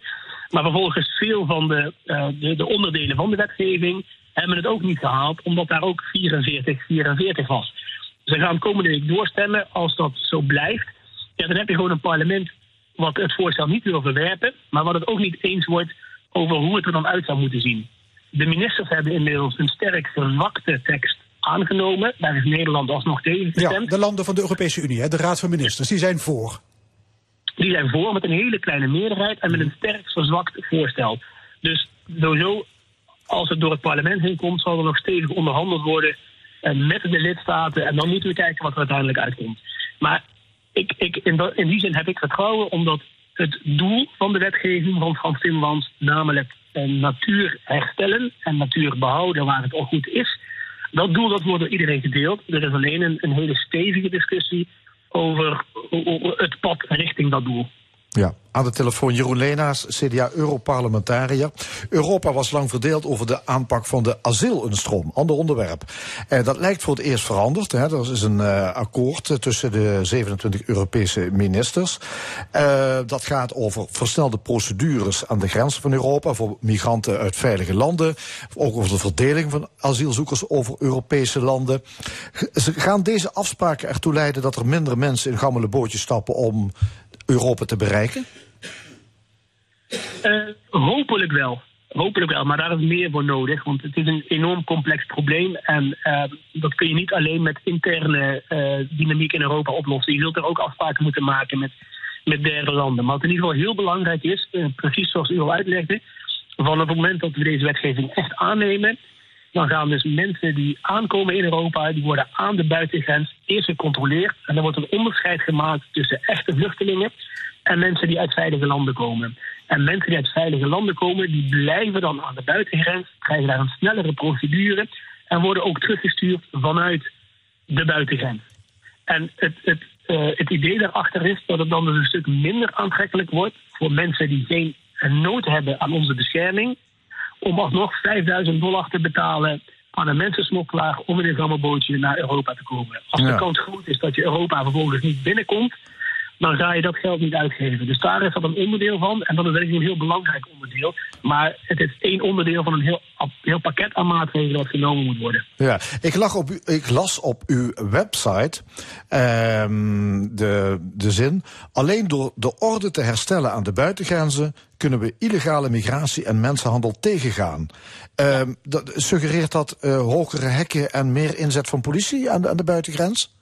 Op sommige, op sommige uh, plekken zal dat misschien nodig zijn. Uh, we hebben ook vooral ingezet om dat met Europees geld mogelijk te maken als er landen zijn die dat nodig vinden.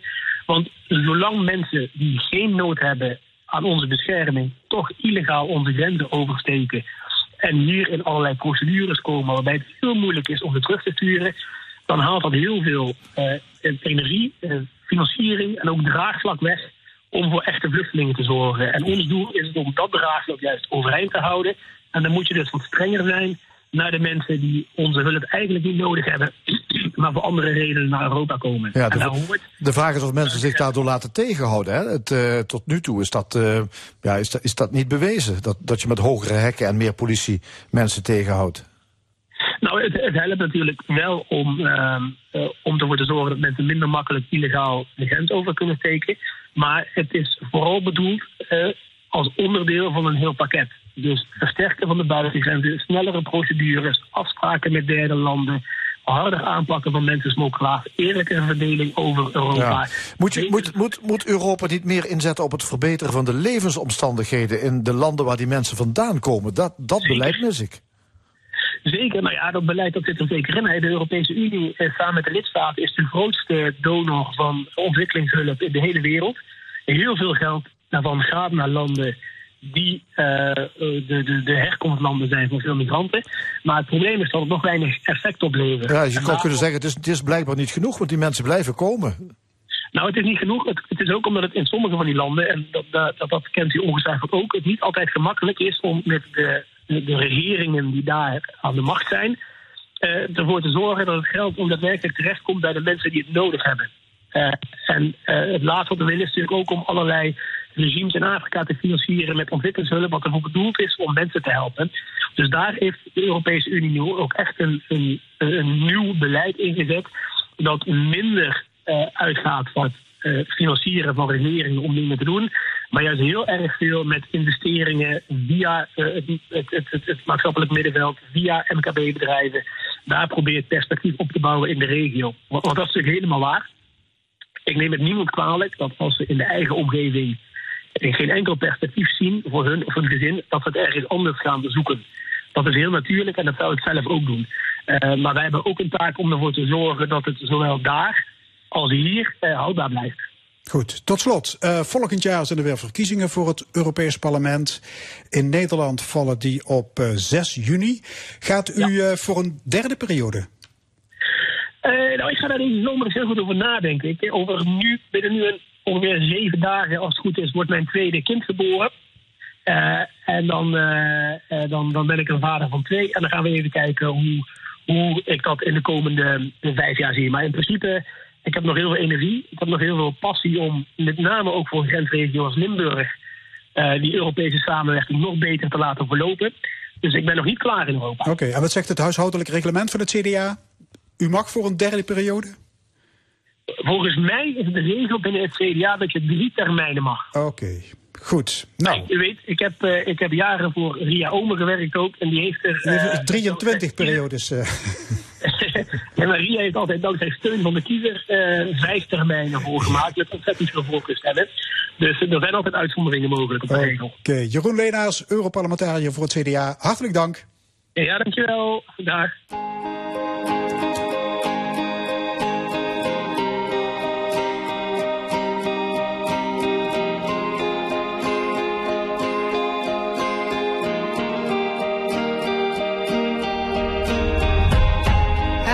this hole I saw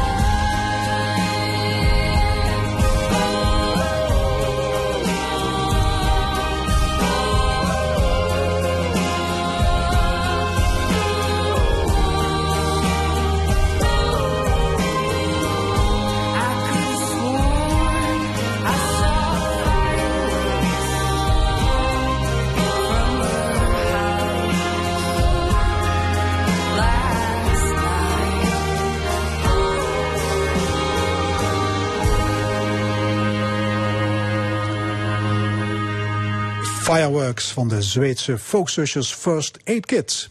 U luistert naar L1 Radio, meer speciaal naar de stemming. Zometeen de discussiepanel, maar eerst beklimt hier in de studio schrijver Hugo Luiten de zeepkist. De column. Vandaag met Hugo Luiten. Er zijn Limburgers die altijd klagen dat deze provincie nooit gezien of gehoord wordt door de Randstad. Dat er Hollanders zijn die denken dat Limburg alleen bestaat uit het Heuvelland en dat Maastricht de enige stad is. En dat je daar zo lekker met de motor de sfeer op holle wegen kunt verpesten. En dat het daar het hele jaar door carnaval is. Dat de relatie tussen Limburg en de rest van Nederland er één is als met een kat of een hond. Je kunt er niet mee praten en het geeft af en toe een hoop gedoe, maar het is toch leuk om in huis te hebben. Maar zo'n Limburger ben ik gelukkig niet. Al maken ze het mij boven de rivieren niet altijd even gemakkelijk met hun eeuwigdurend hoofdkapitalisme in dit windgewest. Mijn grootvader zei het al, de beste pruis heeft nog een paard gestolen met de Hollander de ker. Toen de mergel op was, kwamen ze voor de kolen. En toen de laatste koempel hoestend naar boven kwam gekropen, waren zij al bezig om de grindlagen leeg te plunderen. Maar kijk, verleden week was er goed nieuws. We krijgen eindelijk eens iets terug. Kernafval namelijk. Geef toe, dat hadden we nog niet. Ik verkeerde eerst in de veronderstelling dat het was om de oude mijn- en mergelgangen mee vol te stoppen en de grindgaten mee op te vullen. Maar nee, het beperkt zich tot de kleilagen in Midden-Limburg die 400 meter onder de grond liggen.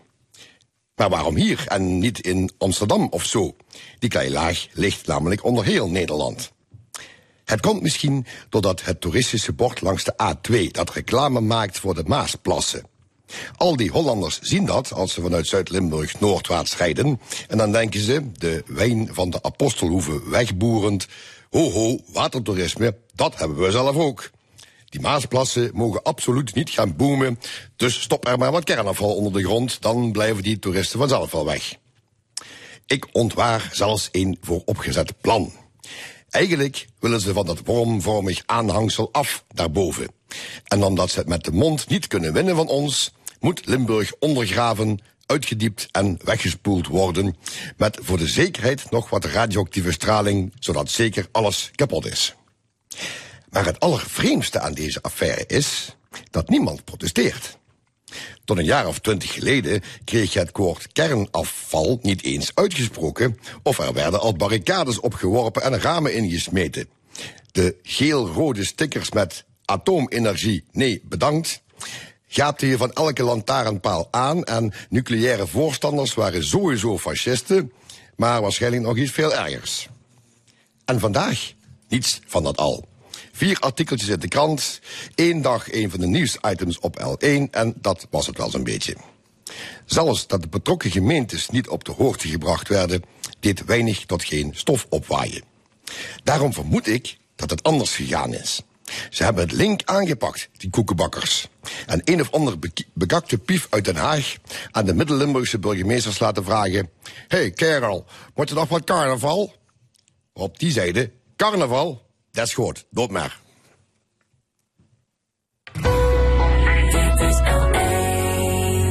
De column van Hugo Luiten. Het opiniepanel van vandaag heeft plaatsgenomen hier aan tafel. We bespreken rebellie van de Wagnergroep in Rusland, onrust binnen het provinciale CDA, de val van minister Wiersma, de dreigend échec van ons zorgstelsel en misschien nog andere zaken. Discussiepanel van dienst bestaat voor deze ene keer uit maar twee leden, oud-CDA Eerste Kamerlid Karel Leunissen en voormalig SP Tweede Kamerlid Jan de Wit. Heren, goedemiddag. Laten we beginnen met de spectaculaire ontwikkelingen in Rusland. De rebellie van het Wagner-huurlingenleger, de opmars naar Moskou, die gisteravond weer werd afgeblazen. Hoe kijken jullie daarnaar? Jan ja, de Wit. Ja, het is op zichzelf inderdaad eh, spektakel. Ehm, maar het is natuurlijk ook wel heel eh, serieus. Ehm, ik heb eh, begrepen dat Wagner niet de enige is die er een privéleger in Rusland op nahoudt. Ja, zijn er tien- tientallen te dat zijn, er dus echt want inderdaad, dat er een groot aantal eh, van dit soort eh, eh, groeperingen rondloopt. Met duizenden mensen, maar ook met materiaal waar het vandaan komt, de zaakjes, mag Joost weten. Maar. ehm, Dat kun je trouwens dit in Nederland niet voorstellen, hè? Een Nee, dus, nee, nee dat, dat is ook zo. Maar, maar wat nu dus wat nu gebeurd is, dat is natuurlijk toch wel even rammelen aan de, aan de poort van, van de grote Poetin. Ehm, het is dus een enorme klap in zijn gezicht eh, dat dit gebeurt onder zijn eh, leiding, om het zo maar even te noemen. En dat het nogmaals kennelijk niet de enige is. Dus dat het een, een land is dat volstrekt eh, instabiel is. Maar dat hij in ieder geval eh, naar buiten toe het, eh, zeg maar, wat er nog over was van zijn eh, gezag, dat hij dat eh, volgens mij op deze manier helemaal kwijt is. Karel Leunissen, wat betekent dit voor de positie van Poetin? Nou, voor de positie van Poetin denk ik niet zoveel. Eh Poetin en Prokichin die hadden al eerder het vaak met, met elkaar op de stok. Het waren vrienden, maar ook wel niet. En ehm, wat, het, wat mij veel meer verbaast eigenlijk en beangstigt... is het feit dat het een strijd wordt tussen macho's, tussen sterke lieden. Shoigu, eh, die, die, die generaal die die dienst maakt, Poetin, Prokichin, die vechten voortdurend tegen elkaar en alleen maar om zelf de macht in handen te hebben. Want het is, was natuurlijk een volkomen onzinnige actie wat die Prokichin heeft gedaan om op te rukken naar Moskou. Wat, wat zou hij daarmee bewerkstelligen? Een staatsgreep. Nou, een staatsgreep. Poetin die zit al lang weggedoken. Mensen die met Prokochin zouden willen optrekken... die zitten lang en breed achter slot en grendel. Dus ik denk dat ze dat wel redelijk hebben afgedicht. Nou ja, maar hier kun je je wel afvragen wat, wat gisteren, wat ik dan zag van de deskundigen die natuurlijk geraadpleegd werden gisteren op tv. Dat toch gezegd, hoe kan dit nu? Dat je dus honderden kilometers met dit materiaal oprukt. Dan moet je dus zorgen van tevoren dat er eten is, dat er benzine is, dat er vervoers. eh, je zag voor die grote diepladers eh, daar rijden. Dus dat hebben ze niet van de ene dag op de andere bedacht. Dat moet al een plan zijn geweest en dat dat dus kan. Dat in Rusland. was er ook al. On-? Dat de Amerikanen waren op de hoogte, de inlichtingendienst, al begin juni, dat dat stond te gebeuren. Alleen niet wanneer Hm. en hoe, maar dat dat stond te gebeuren, dat wisten de Amerikanen al. En het probleem is ook dat het Russische leger, toen ze bij Rosom de grens overkwamen, gewoon, kom maar binnen, hier hebben jullie onze wapens, hier hebben jullie ons voedsel. Trek maar door naar via de M4 of zoiets. Dus die richting heeft nog symp- sympathie van delen van Ja, het Russische en een groot deel van het leger staat achter die Wagnergroep. Ja. En het is gewoon één grote rommel daar en corruptie in het leger. En dus er was grote paniek in het Kremlin toen die Wagnergroep opstoomde naar Moskou gisteren? Ik denk, ik, denk, ik denk het wel. Ehm, en het is op zichzelf ehm, vervolgens wel de vraag. Ehm, hoe gevaarlijk is die situatie nu? Hè, want eh, Poetin. Poetins positie wankelt, dat kan je gewoon eh, zeggen. Zeker ook ten opzichte van de buitenwereld, hè, buiten Rusland, heeft hij nog meer ingeboet aan, aan, aan positie. Dus eh, hij is gewoon de lachwekkende, eh, maar, de lachwekkende leider. Maar het is wel heel erg gevaarlijk, omdat hij natuurlijk alle kanten uit kan slaan. Hij kan zeggen, ik noem maar wat, in Oekraïne, daar gaan we er nog een schepje bovenop doen. Met nog meer raketten, nog meer, weet ik veel, bombardementen. Zoals hij in Syrië gedaan heeft, alles plat bombarderen. Dus je weet maar niet wat deze Maar wat man het eh, doet. is, is dat die Prokochin heeft ook het Russische volk bekend, bij het Russische volk bekendgemaakt dat de redenen waarom Poetin Oekraïne Ja, ja. a- heeft aangevallen, dat die niet juist waren. Dat Oekraïne helemaal geen bedreiging was voor Rusland. Ja, de argumenten En die het Westen altijd heeft Ja. gebruikt. Hè? Er is niks maar nu kwam dat uit de Ja. koker van iemand die in Rusland hoog gewaardeerd Heel wordt. opmerkelijk, toch? En dat, dat maakt het probleem voor Poetin veel groter. Dat het volk wellicht toch op een gegeven moment een opstand Maar dit gezegd hebben, de kan ehm, die Wagner-groep toch niet opnieuw ten strijde trekken tegen, tegen Oekraïne? Nou, Als kennelijk, de- kennelijk, als je ziet welke ruimte ze hebben. eh, de leider hoeft niet per se in eh, Rusland te zitten natuurlijk. Die kan ook vanuit Belarus of van weet ik veel waar vandaan. Kun je natuurlijk leiding geven aan zo'n... eh, Nee, maar als dus je ik zelf denk zegt, niet... het is een onzinnige oorlog daar in Oekraïne. Wat, Ja, wat, waarom zou ja, nee, dus dat, dat klopt. Hij, heeft hem wel, eh, heeft wel meegedaan eh, aan die gevechten in al die in Bashmut en eh, hoe die eh, plaatsen allemaal eh, mogen heten. Hij heeft daar inderdaad aan meegedaan, maar hij heeft wel altijd steeds gezegd van ik kan me nog zo'n raas, razende Prigozhin eh, op de televisie herinneren van geef ons wapens, jij smeerlap, anders dan, dan, dan, dan gooien we het erbij neer. Dus daar heeft hij ook al verzet in het begin fase van de oorlog eh, gevoerd. Maar hij, hij was wel eh, een van degenen die het vuile werk eh, daar deed. Wat betekent dit voor het verloop van de oorlog? Ah, Oekraïne? Rusland stond er toch een zwak voor. En die, die positie van het Russische leger is alleen maar nog zwakker geworden. Zelf op het moreel van de manschappen moet je je ook afvragen wat Ja, gaat die doen. weet ook niet meer waar ze aan toe zijn. Wie moeten ze nu volgen? Die generaal, die, die, eh, de hoofdgeneraal van het Russische leger, die Prigozhin, eh, Poetin die zich op de achtergrond houdt, Shoigu, eh, ah, die weten echt niet meer waar ze naartoe moeten. Nee, het enige wat nu, wat nu eh, gezegd wordt is dan... eh, ja, als eh Zelensky slim is, dan doet hij er een schepje bovenop nu. Nu kennelijk er nog meer ont onttakelt daar binnen, binnen het Kremlin en in Rusland... het leger eigenlijk nauwelijks meer tot iets in staat is. Ze moeten het Kremlin bewaken, want er is ook een drone op neergekomen. Ze moeten nu intern hebben ze een soort burger oorlogachtige situatie. Plus dat ze het offensief in de Oekraïne moeten weerstaan. Nou, dat is bijna een onmogelijke opgave, zou ik als leek eh, zeggen. Maar als Zelensky slim is, dat hoef ik hem niet te vertellen. Maar de, de kansen zijn natuurlijk nu voor hem heel groot. maar dat wordt ook al voorspeld. Hè, dat de grote offensief vanuit de Oekraïne tegen de Russen... dat dat nu nog moet komen eigenlijk. Zit, zit er een gevaar eh, in voor ja, West-Europa, wat, wat daar gebeurt nu Nou, op dit het moment? enige gevaar, denk ik, is het gebruik van nucle- eh, tactische nucleaire wapens of strategische nucleaire wapens. Dat is het enige gevaar wat dreigt voor West-Europa. Militaristisch gezien kan het Russische leger absoluut niet op tegen de NAVO.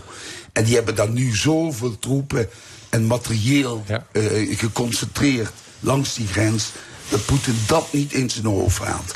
Maar wat hij absoluut niet moet doen, en dat moeten anderen hem ook niet toebrengen, is het gebruik van tactische nucleaire wapens. Maar dat, vind ik, dat vind ik echt, Ja, je- eh, dat zou echt Ja, is dat dichterbij gekomen, denk je dan nu? Dat met is wel dichterbij. Zeker. Omdat er geen, geen echte sterke leider is die eh, Rusland eh, bij de hand houdt. Het is, eh, Poetin is zo beïnvloedbaar blijkbaar. Nou, het interessante parallellen die je dus nu ook hoort, dat is, ik zie, ik zie hem nog bovenop die tank staan, die eh, dronken eh Yeltsin. Maar dat zijn wel van die stappen of schokken in de, in de kennelijk in de historie van, van Rusland. Maar dit zijn, dit zijn dus echt hele belangrijke gebeurtenissen die verstrekkende gevolgen eh, kunnen hebben. In de zin dat daar dus de macht nu, eh, zeg maar, eh, wankelt. Her- herverdeeld wordt Ja, misschien ook wel. En dat zou kunnen, ja. ja. en wat de Amerikanen altijd geprobeerd hebben, is om Rusland toch een beetje te sparen. Hè, zodat ze niet ertoe gedreven werden om die nucleaire wapens te gaan gebruiken. En ik denk dat dat ook zo moet blijven. Dat, dat beperkt blijft tot Oekraïne. Goed, van eh, Rusland naar de eigen provincie. Eh, het CDA Limburg hield gisteren een ledenvergadering. Eh, er is besloten om een werkgroep in te stellen die onderzoek gaat doen naar de toekomst van de christendemocratie in Limburg. Karel Leunis, je bent oud-voorzitter van het CDA Limburg. Wat verwacht je van zo'n onderzoek? Ja, wat verwacht ik daarvan? Ik zou je zeggen, toen ik voorzitter was, speelde dat ook al. Dat is zelfs nationaal nieuws geweest. Heeft de NRC gestaan, de Volkskrant gestaan. Ja, dat was volgens mij in altijd- 2012, bedoel je? 2012. Toen René van der Linden, die was eh, de linkse koers van het CDA helemaal zat. En Ja, die dreigde en- toen en- met en men voelde zich toen ook wel een beetje eh, het, eh, achtergesteld bij het noordelijk, het west, noordwestelijke CDA. Laat zeggen ARP, CAU. Hè, Dat was een beetje bloedgroep- de CSU-oplossing eh, eh, van, Nederland. CSU. Ja. Dat Ja. moest, eh, Limburg moest een CDA-partij krijgen die een beetje leek op de Beierse CSU. Ja. En toen heb ik dat eh, kunnen, kunnen downsize een beetje en is het ook weer weggeëpt. Maar er is nu Maar weer dat diepe, diepe, dan de diepe, diepe onvrede hè, van Ja, het CDA dat Limburg over de landelijke maken- koers. Ja. Begrijp je dat? Ja, natuurlijk.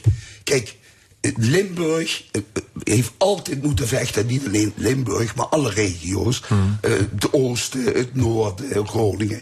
Die moeten altijd vechten om iets te verkrijgen voor de regio. Dat wordt niet zomaar. Of dan moet je dan een sterke gouverneur hebben, of commissaris van de koningin, of een sterke gedeputeerde, of een goede positie binnen het kabinet of binnen de Kamer. Sterke mensen die dat voor jou kunnen bewerkstelligen.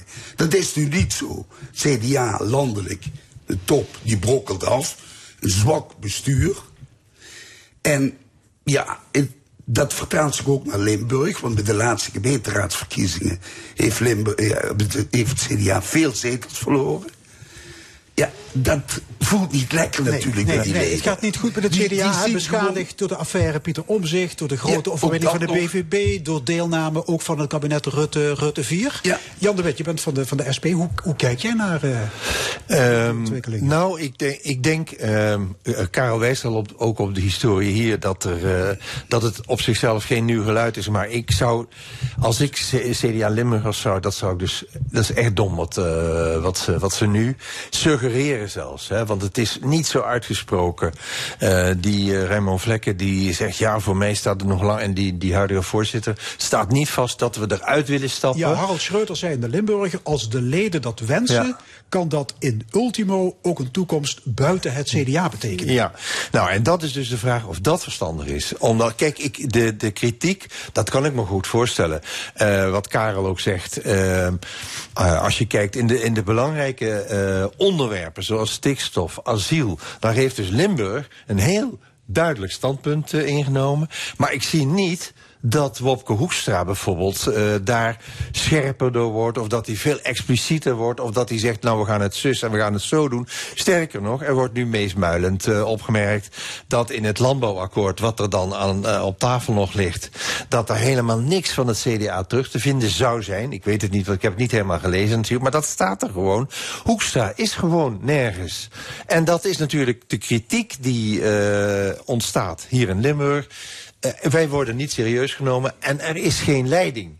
Maar dan is toch de vraag of het verstandig is om te zeggen, jongens, eh, we gaan, onderzoek is, no- is nooit weg natuurlijk. Maar de, de vraag is, is, is het verstandig om te dreigen met afsplitsing? Als het al zo is dat mensen nu uit het CDA Limburg of landelijk weglopen... omdat ze zich niet herkennen, ga je de boel alleen nog maar erger maken. Je moet volgens mij juist intern orde op zaken stellen en zeggen... Hoekstra, mag ik het zo zeggen, daar is de deur. We hebben iemand anders nodig, we hebben betere visie nodig, we hebben betere leiding nodig. En niet afsplitsen, want dat betekent gewoon het einde van eh, CDA Limburg. CDA Limburg als de, als de waaktergroep van de christendemocratie. nou, zo militant zijn we niet. eh, maar het zou wel een, een, eh, niet goed zijn natuurlijk. Nee. Maar er zat gisteren iemand bij van het algemeen bestuur van het CDA. Die had het ook over totale, totale chaos. Ja, maar die zit wel als secretaris in het bestuur. Ja. En ze zijn niet bij machten dat bestuur om de zaak op de rails te krijgen. De grote fout die ze ook gemaakt hebben is. Een grote fout die ze ook gemaakt hebben is dat ze. Eh, toen ik nog in voorzitter was, zat ik kwaliteit qua in het nationaal bestuur. Ja. En daar wilden ze voortdurend van af, want dat waren luizen in de provincievoorzitters. Die maakten ook nog bondjes. Ik deed dat met de voorzitter van Brabant. Dat was een stevige blok. En die hebben ze eruit gekieperd. En nu zitten er vijf, zes man die alles bepalen. Volledig losgezongen van de provincies. En dus ook van hun leden. En dat is natuurlijk ook absoluut niet goed. Als je een voet tussen de deur wil krijgen als voorzitter van het CDA Limburg op dit moment, is dat verdomd lastig volgens mij. En dat was vroeger niet, want je zat in het bestuur. Is dit signaal trouwens, eh, is dit aangekomen in, eh, landelijk? Dat, is- dat het signaal dat gisteren is afgegeven hier in Limburg? landelijk. eh, ik heb nog een, een mailtje gehad voor Bobke Hoekstra, daar schrijft hij helemaal niets over. Die, die, daar, daar- wat wil hij daar ook op zeggen? Ik zou zeggen, laat dat maar. Misschien bloedt het gewoon dood en, en komt een rapportje. Ja, dat, dat is gewoon het punt. Hè, dat, je, dat je denkt, het is gewoon een verplicht nummer. Dat er nu gezegd wordt, er, er, er, er moet een commissie komen. En, en wat er, je kunt het nu al schrijven, bij wijze van spreken, op, op een A4'tje. Wat is de, de, eh, de uitslag van het onderzoek? Nou, het onderzoek is de miskenning van, eh, van, van Limburg onvoldoende leiding van eh, onvoldoende visie. En in feite, ehm, eh, ja, zeg maar, eh, we verbleken nog meer, waardoor de leden weg gaan lopen. En wat ook nog een groot probleem is, is natuurlijk eh, eh, eh, Pieter Omzicht. Pieter Omzicht heeft vele aanhangers in Limburg. En die zitten allemaal op het vinkental. Die zijn nu nog lid van het CDA. Maar op het moment dat Pieter Omzicht met een eigen partij begint... gaat het over. Dan is de afsplitsing eigenlijk een feit. En dat- maar dat is dan landelijk, hè? Ja, ja, dat is niet alleen Limburg. Nee. Oké, we gaan naar, er was nog ander landelijk eh, politiek nieuws. Ehm, VVD-minister Dennis Wiersma van primair en voortgezet onderwijs... die is afgetreden afgelopen week. Hij kwam al enkele keren in de problemen vanwege zijn opvliegende gedrag. Hij had beterschap beloofd, excuses aangeboden... maar ja, plotsklaps kwam er weer een nieuwe melding van grensoverschrijdend gedrag. Ehm, waarom heeft de VVD Wiersma zo lang in het zadel gehouden eigenlijk? En- Enig idee? Zijn, het leek toch of die positie al Nou, onhoudbaar was. Ik denk eh, op de eerste plaats om iets positiefs te zeggen over die meneer. Dat was een inhoudelijk een kei goede minister. Ik heb onderwijsbonden gesproken van het primair onderwijs. Die lovend waren over de plannen die hij nu echt op de rails ging zetten. En wat je dan krijgt is dat je politieke vijanden krijgt. En zeker ook binnen de ambtenarijen. In zo'n ministerie zitten lui die al 20, 30 jaar daar zitten. En die denken dat ze het geloof en pacht hebben. En dan moet je tegenop. En als je op een moment dat je die cement op je hebt... dan is het makkelijk om dat ook een beetje daar gebruik van te maken. Los daarvan is het natuurlijk niet gepast wat hij gedaan heeft. Nee, want het, was, het is niet alleen, de VVD het is ook niet alleen op het ministerie gebeurd, dat was daarvoor ook al tijdens elders. toen de Kamerlid was. Ja. Dus Ja. het, het- nee, het, het hoorde bij het mannetje. het is de aard van het beestje. De aard van het beestje. Dat zie je ook aan zijn opleiding. Dat is een, dat is een streber. Dat is iemand die de roeien aan ruiten gaat. Ja, ja, ja. Ja, ik, ik vind het, ik vind het eh, heel opmerkelijk. Eh, ik vind het heel opmerkelijk dat de VVD, want dat is eigenlijk degene die de druk heeft uitgeoefend eh, op hem om op te stappen. Eh, ik vind het heel opmerkelijk. Te, te meer, en wat dat betreft deel ik ook de analyse van, eh, eh, eh, van Karel. Dit is, dit, is, dit is minister die heeft gewoon eh, die heeft gewoon een visie. Die heeft gewoon durf. Die heeft moed. En dat is iemand die houdt van aanpakken. En het is- eigenlijk eh, symptomatisch, zou ik het willen zeggen, voor wat er in Nederland gebeurt. De minister die wil aanpakken, die dwars door alles heen gaat, een nieuwe beleid wil vormgeven, krijgt in de eerste plaats te maken met zijn ambtenaren. Die het al 80 jaar zo doen. Zoals ze het nu doen, namelijk niks. Eh, dus een minister die wat wil veranderen, die zijn nek uitsteekt. En hij is echt niet de enige hoor. Echt. Ga maar in het verleden. Ik, ik noem bijvoorbeeld maar iemand als Frans Wekers bijvoorbeeld. Die op belasting zat. Die precies datzelfde probleem heeft. Namelijk dat die hele ambtenarij tegen hem eh, werkte. En zo is dat ook stellig bij die Wiersma. Je komt aan koninkrijken, je komt aan ingesleten methodes. Nee, zo doen we dat niet. Nee, dat hebben we nog nooit zo gedaan, zeg kom. Eh, dus het, het is. Ik vind het gewoon fout dat ze dat gedaan hebben. Dat ze die Wiersma hebben laten gaan. Het deugt natuurlijk niet als je eh, je handen niet thuis kan houden. Als hij dat al gedaan Er staat iets van fysiek. Eh, nou ja, goed. Eh, wat het precies is, weet ik ook niet. Het deugt natuurlijk niet. Maar ik vind het zo symptomatisch voor Nederland. Namelijk mensen met visie, mensen met durf. Die gaan soms over de scheef, maar dat heb je nodig om verder te komen. En dan moet je niet zeggen, oh god, ik, eh, ik voel me eh, zo geïntimideerd en nou moet de minister weg. Dan moet de minister gewoon zeggen, jongens, ik ga het nog een keer proberen. Maar toch niet iemand met visie, met zo'n, eh, zeg maar, power, dat je die laat gaan. Ik vind dat gewoon heel erg dom. En daarbij komt dat de VVD, toen hij al Kamerlid was... toen vertoonde die ook al dit gedrag. En toen had de VVD moeten ingrijpen. En wat ze nu hebben gedaan... toen hebben ze hem op een gegeven moment op, bij de fractie laten komen... Heeft Sofie Hermans gezegd... Dennis, dit is de laatste keer.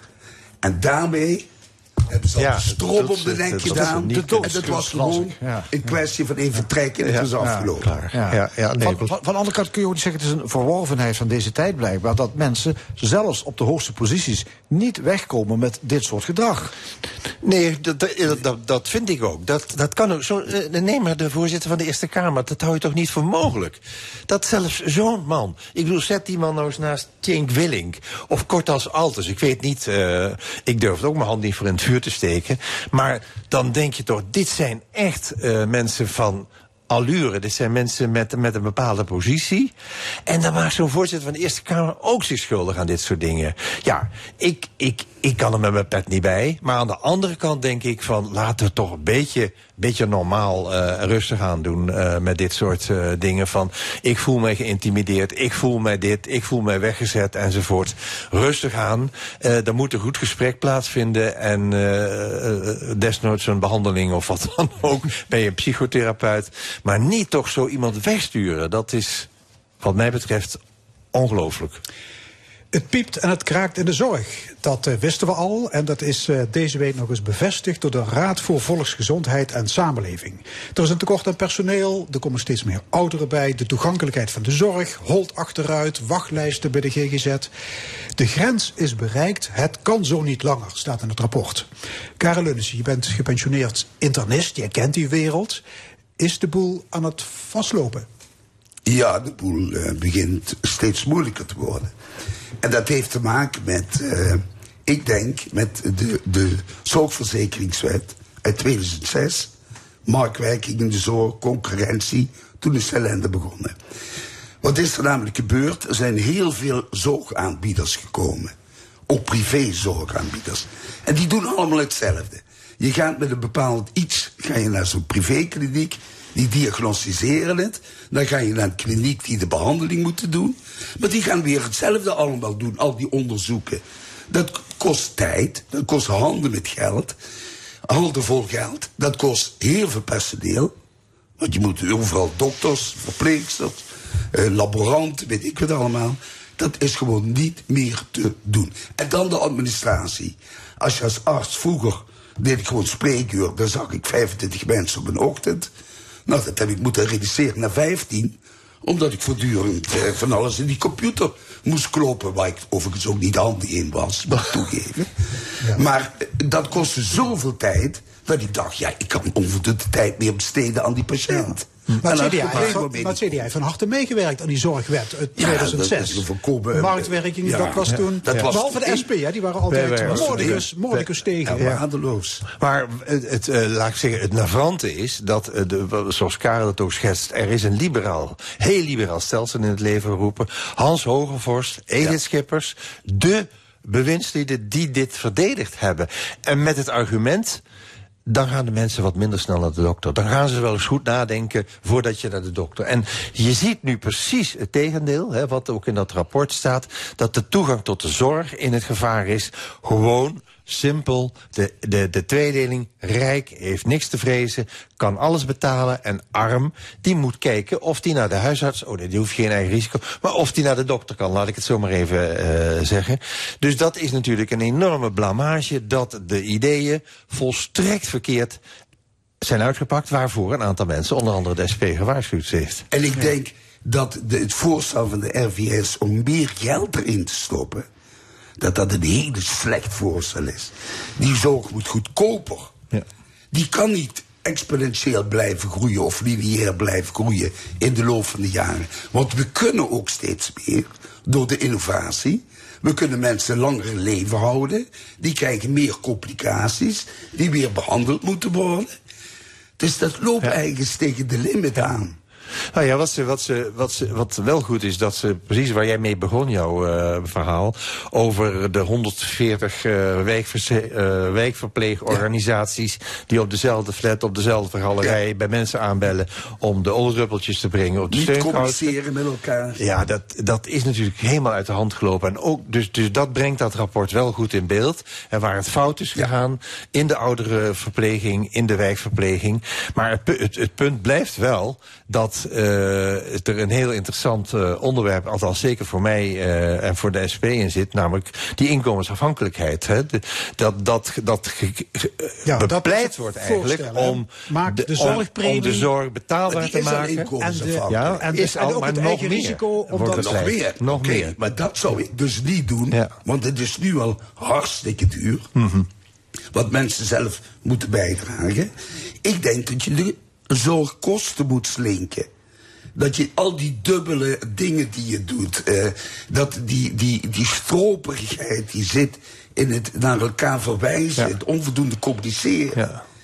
Nou ja, het, het, het, is, het is volstrekt ingewikkeld eh, geworden. Wat je ook noemt de privé, eh, de privéklinieken, laat ik het maar noemen. Heel simpel voor de ogen. Je krijgt inderdaad precies dezelfde eh, behandeling als in het ziekenhuis. Maar het is wel, eh, toevallig heb ik daar zelf mee te maken. Het is wel een oogkliniek die de naam heeft eh, van een of ander commercieel bedrijf, maar wel gekoppeld is aan Zuid, eh, hoe heet het, aan het ziekenhuis hier. Dat is dus heel vreemd. Dus je kunt dan kiezen ofwel daar ofwel hier, maar je komt dan bij een niet eh, Zuid oogkliniek genoemd bedrijf terecht. Waar precies al die dingen gebeuren die eh, normaal een oogarts ook doet. Eh, dus dat is heel vreemd dat, de soort, dat, dat die in twee, op twee fronten werken of zo, lijkt het haast. Ja. Terwijl het idee juist was, die organisaties, Ja. dat zijn bedrijfjes, die gaan met elkaar in, in concurrentie, dus de prijs wordt lager. En dat is dus niet zo. Ja, en, het is en, en- werk, dus dat kan goedkoper. Ja. Het, kan, het is niet goedkoper. Ja, die raad pleit voor minder concurrentie Ja. en meer En samenwerking. dat door zou- zorgverzekeraars, ja, dat- zorgaanbieders enzovoorts. Ja, nou ja, eh, mijn partij heeft eh, daar nog hele andere ideeën over. Hè. We hebben dat idee van het Nationaal Zorgfonds. Waarin je dus een groter basispakket eh, maakt. En voor mensen die per se witte tanden willen laten schilderen. Die kunnen dat dan bijbetalen. Dan moeten ze dat zelf weten. Maar een veel breder basispakket en inkomensafhankelijke premie. Dat dat, eh, dat, dat veel eh, effectiever zou zijn. En zegt die raad, het zorgstelsel is ook veel te complex. Zeker voor mensen met, met chronische aandoeningen. Die hebben met zoveel instanties Als jij- als en jij- regelingen te maken. Die mensen worden iets- helemaal gestoord van. Stel, je hebt iets aan je hart en dat hart pompt niet meer goed. Dan krijg je problemen met de nieren, je wordt te zwaar, je krijgt type 2 diabetes. Dan loop je ondertussen, als je het een beetje goed doet, bij vijf verschillende specialisten. Ja. Want die cardioloog, die zal niet een beetje die nierfunctie in de gaten houden. Die denkt, oh, dat is voor de nefroloog. Dus gaat hij weer naar de nefroloog. Die loopt bij vijf verschillende specialisten in één ziekenhuis. Ja. Ja, En dat er is voor een eenvoudige particulier toch niet meer wijs uit te Nee, komen. dat is ook Uit die- zo. Uit die Dat snap- van de regels en... En die, die voelen zich daardoor ook geweldig ziek, want ze, ze hebben vijf dokters. Ik heb dan dit en ik heb dat en zus en zo. Plus een Ja, kast vol medicijnen ook nog. Ja. Ja. Nee, dat klopt. Eh, dus ik, ik vind het eh, terecht dat dit, eh, dat dit rapport dat dat zoveel aandacht krijgt. Alleen, er wordt ook wel weer in de marge gezegd van... nou ja, we kennen de discussie uit 2012. Hè, toen V- VVD en PvdA in het nieuwe kabinet... onder andere de, de, de premie inkomensafhankelijk Het maken. regeerakkoord was net bijna droog leidde toen eh grote pleuren uit binnen, binnen ja. de VVD Ja, met name. Dus dat wordt nu ook alweer voorspeld. Die inkomensafhankelijke elementen, dat zal eh, een reden zijn om het eh, toch maar snel weer terzijde Maar te goed, leggen. mensen met een hoog inkomen, is het billig dat die meer betalen dan mensen met een kleine Dat doen ze nu al, hè. Dat doen ze nu al. Je betaalt veel hogere premie, terwijl de mensen aan de onderkant zorgtoeslag krijgen. Dan moet je er ook eens bij optellen. Dus daar zit al een vrij groot verschil in premie. Nou, d- d- er wordt al gewerkt met premie naar draagkracht. Je kunt dat nog groter maken natuurlijk, maar dat geldt ook voor, voor heel veel andere dingen. Ja, zo verkeersboetes ook inkomensafhankelijk kunnen maken. Ja, daar- heb ik meermalen over gehad De waterschapsbelasting of... Ja. eh, Het brood, zei en ze allemaal. Benzine. dat is een fantastische methode om te nivelleren. Ja. Dan zit iedereen uiteindelijk op hetzelfde inkomen op een gegeven moment. Ja. nee, maar die zorgtoeslag is natuurlijk ook een vreemd element. Hè, dat mensen dus, dat geldt ook voor die andere toeslag, dat mensen dus, omdat ze het niet kunnen betalen, een toeslag eh, krijgen. Dan moet je zeggen, ja, dan is dus kennelijk eh, de bijdrage die mensen moeten betalen te hoog. Dat is, dat is, dat is natuurlijk vreemd. Ja, en eigenlijk zouden we af En- moeten van die toeslag. En daar zouden, zouden we van af moeten. En Plus dat die kosten moeten omlaag. Waarom moeten dokters zo ontzettend veel verdienen? Ja, dat is een goede dat is- vraag. dat is voor de volgende keer. Hartelijk dank discussiepanel. Vandaag met Karen Leunissen en Jan de Wit. En dit was de stemming, vandaag gemaakt door René Bergers, Frans Geraerts en Frank Ruber. Graag tot volgende week zondag, 11 uur. Dit programma is na te luisteren op onze website l1.nl en via podcast. Zometeen de zalige zondagmiddag met Paul Verstegen. Nog een mooie dag.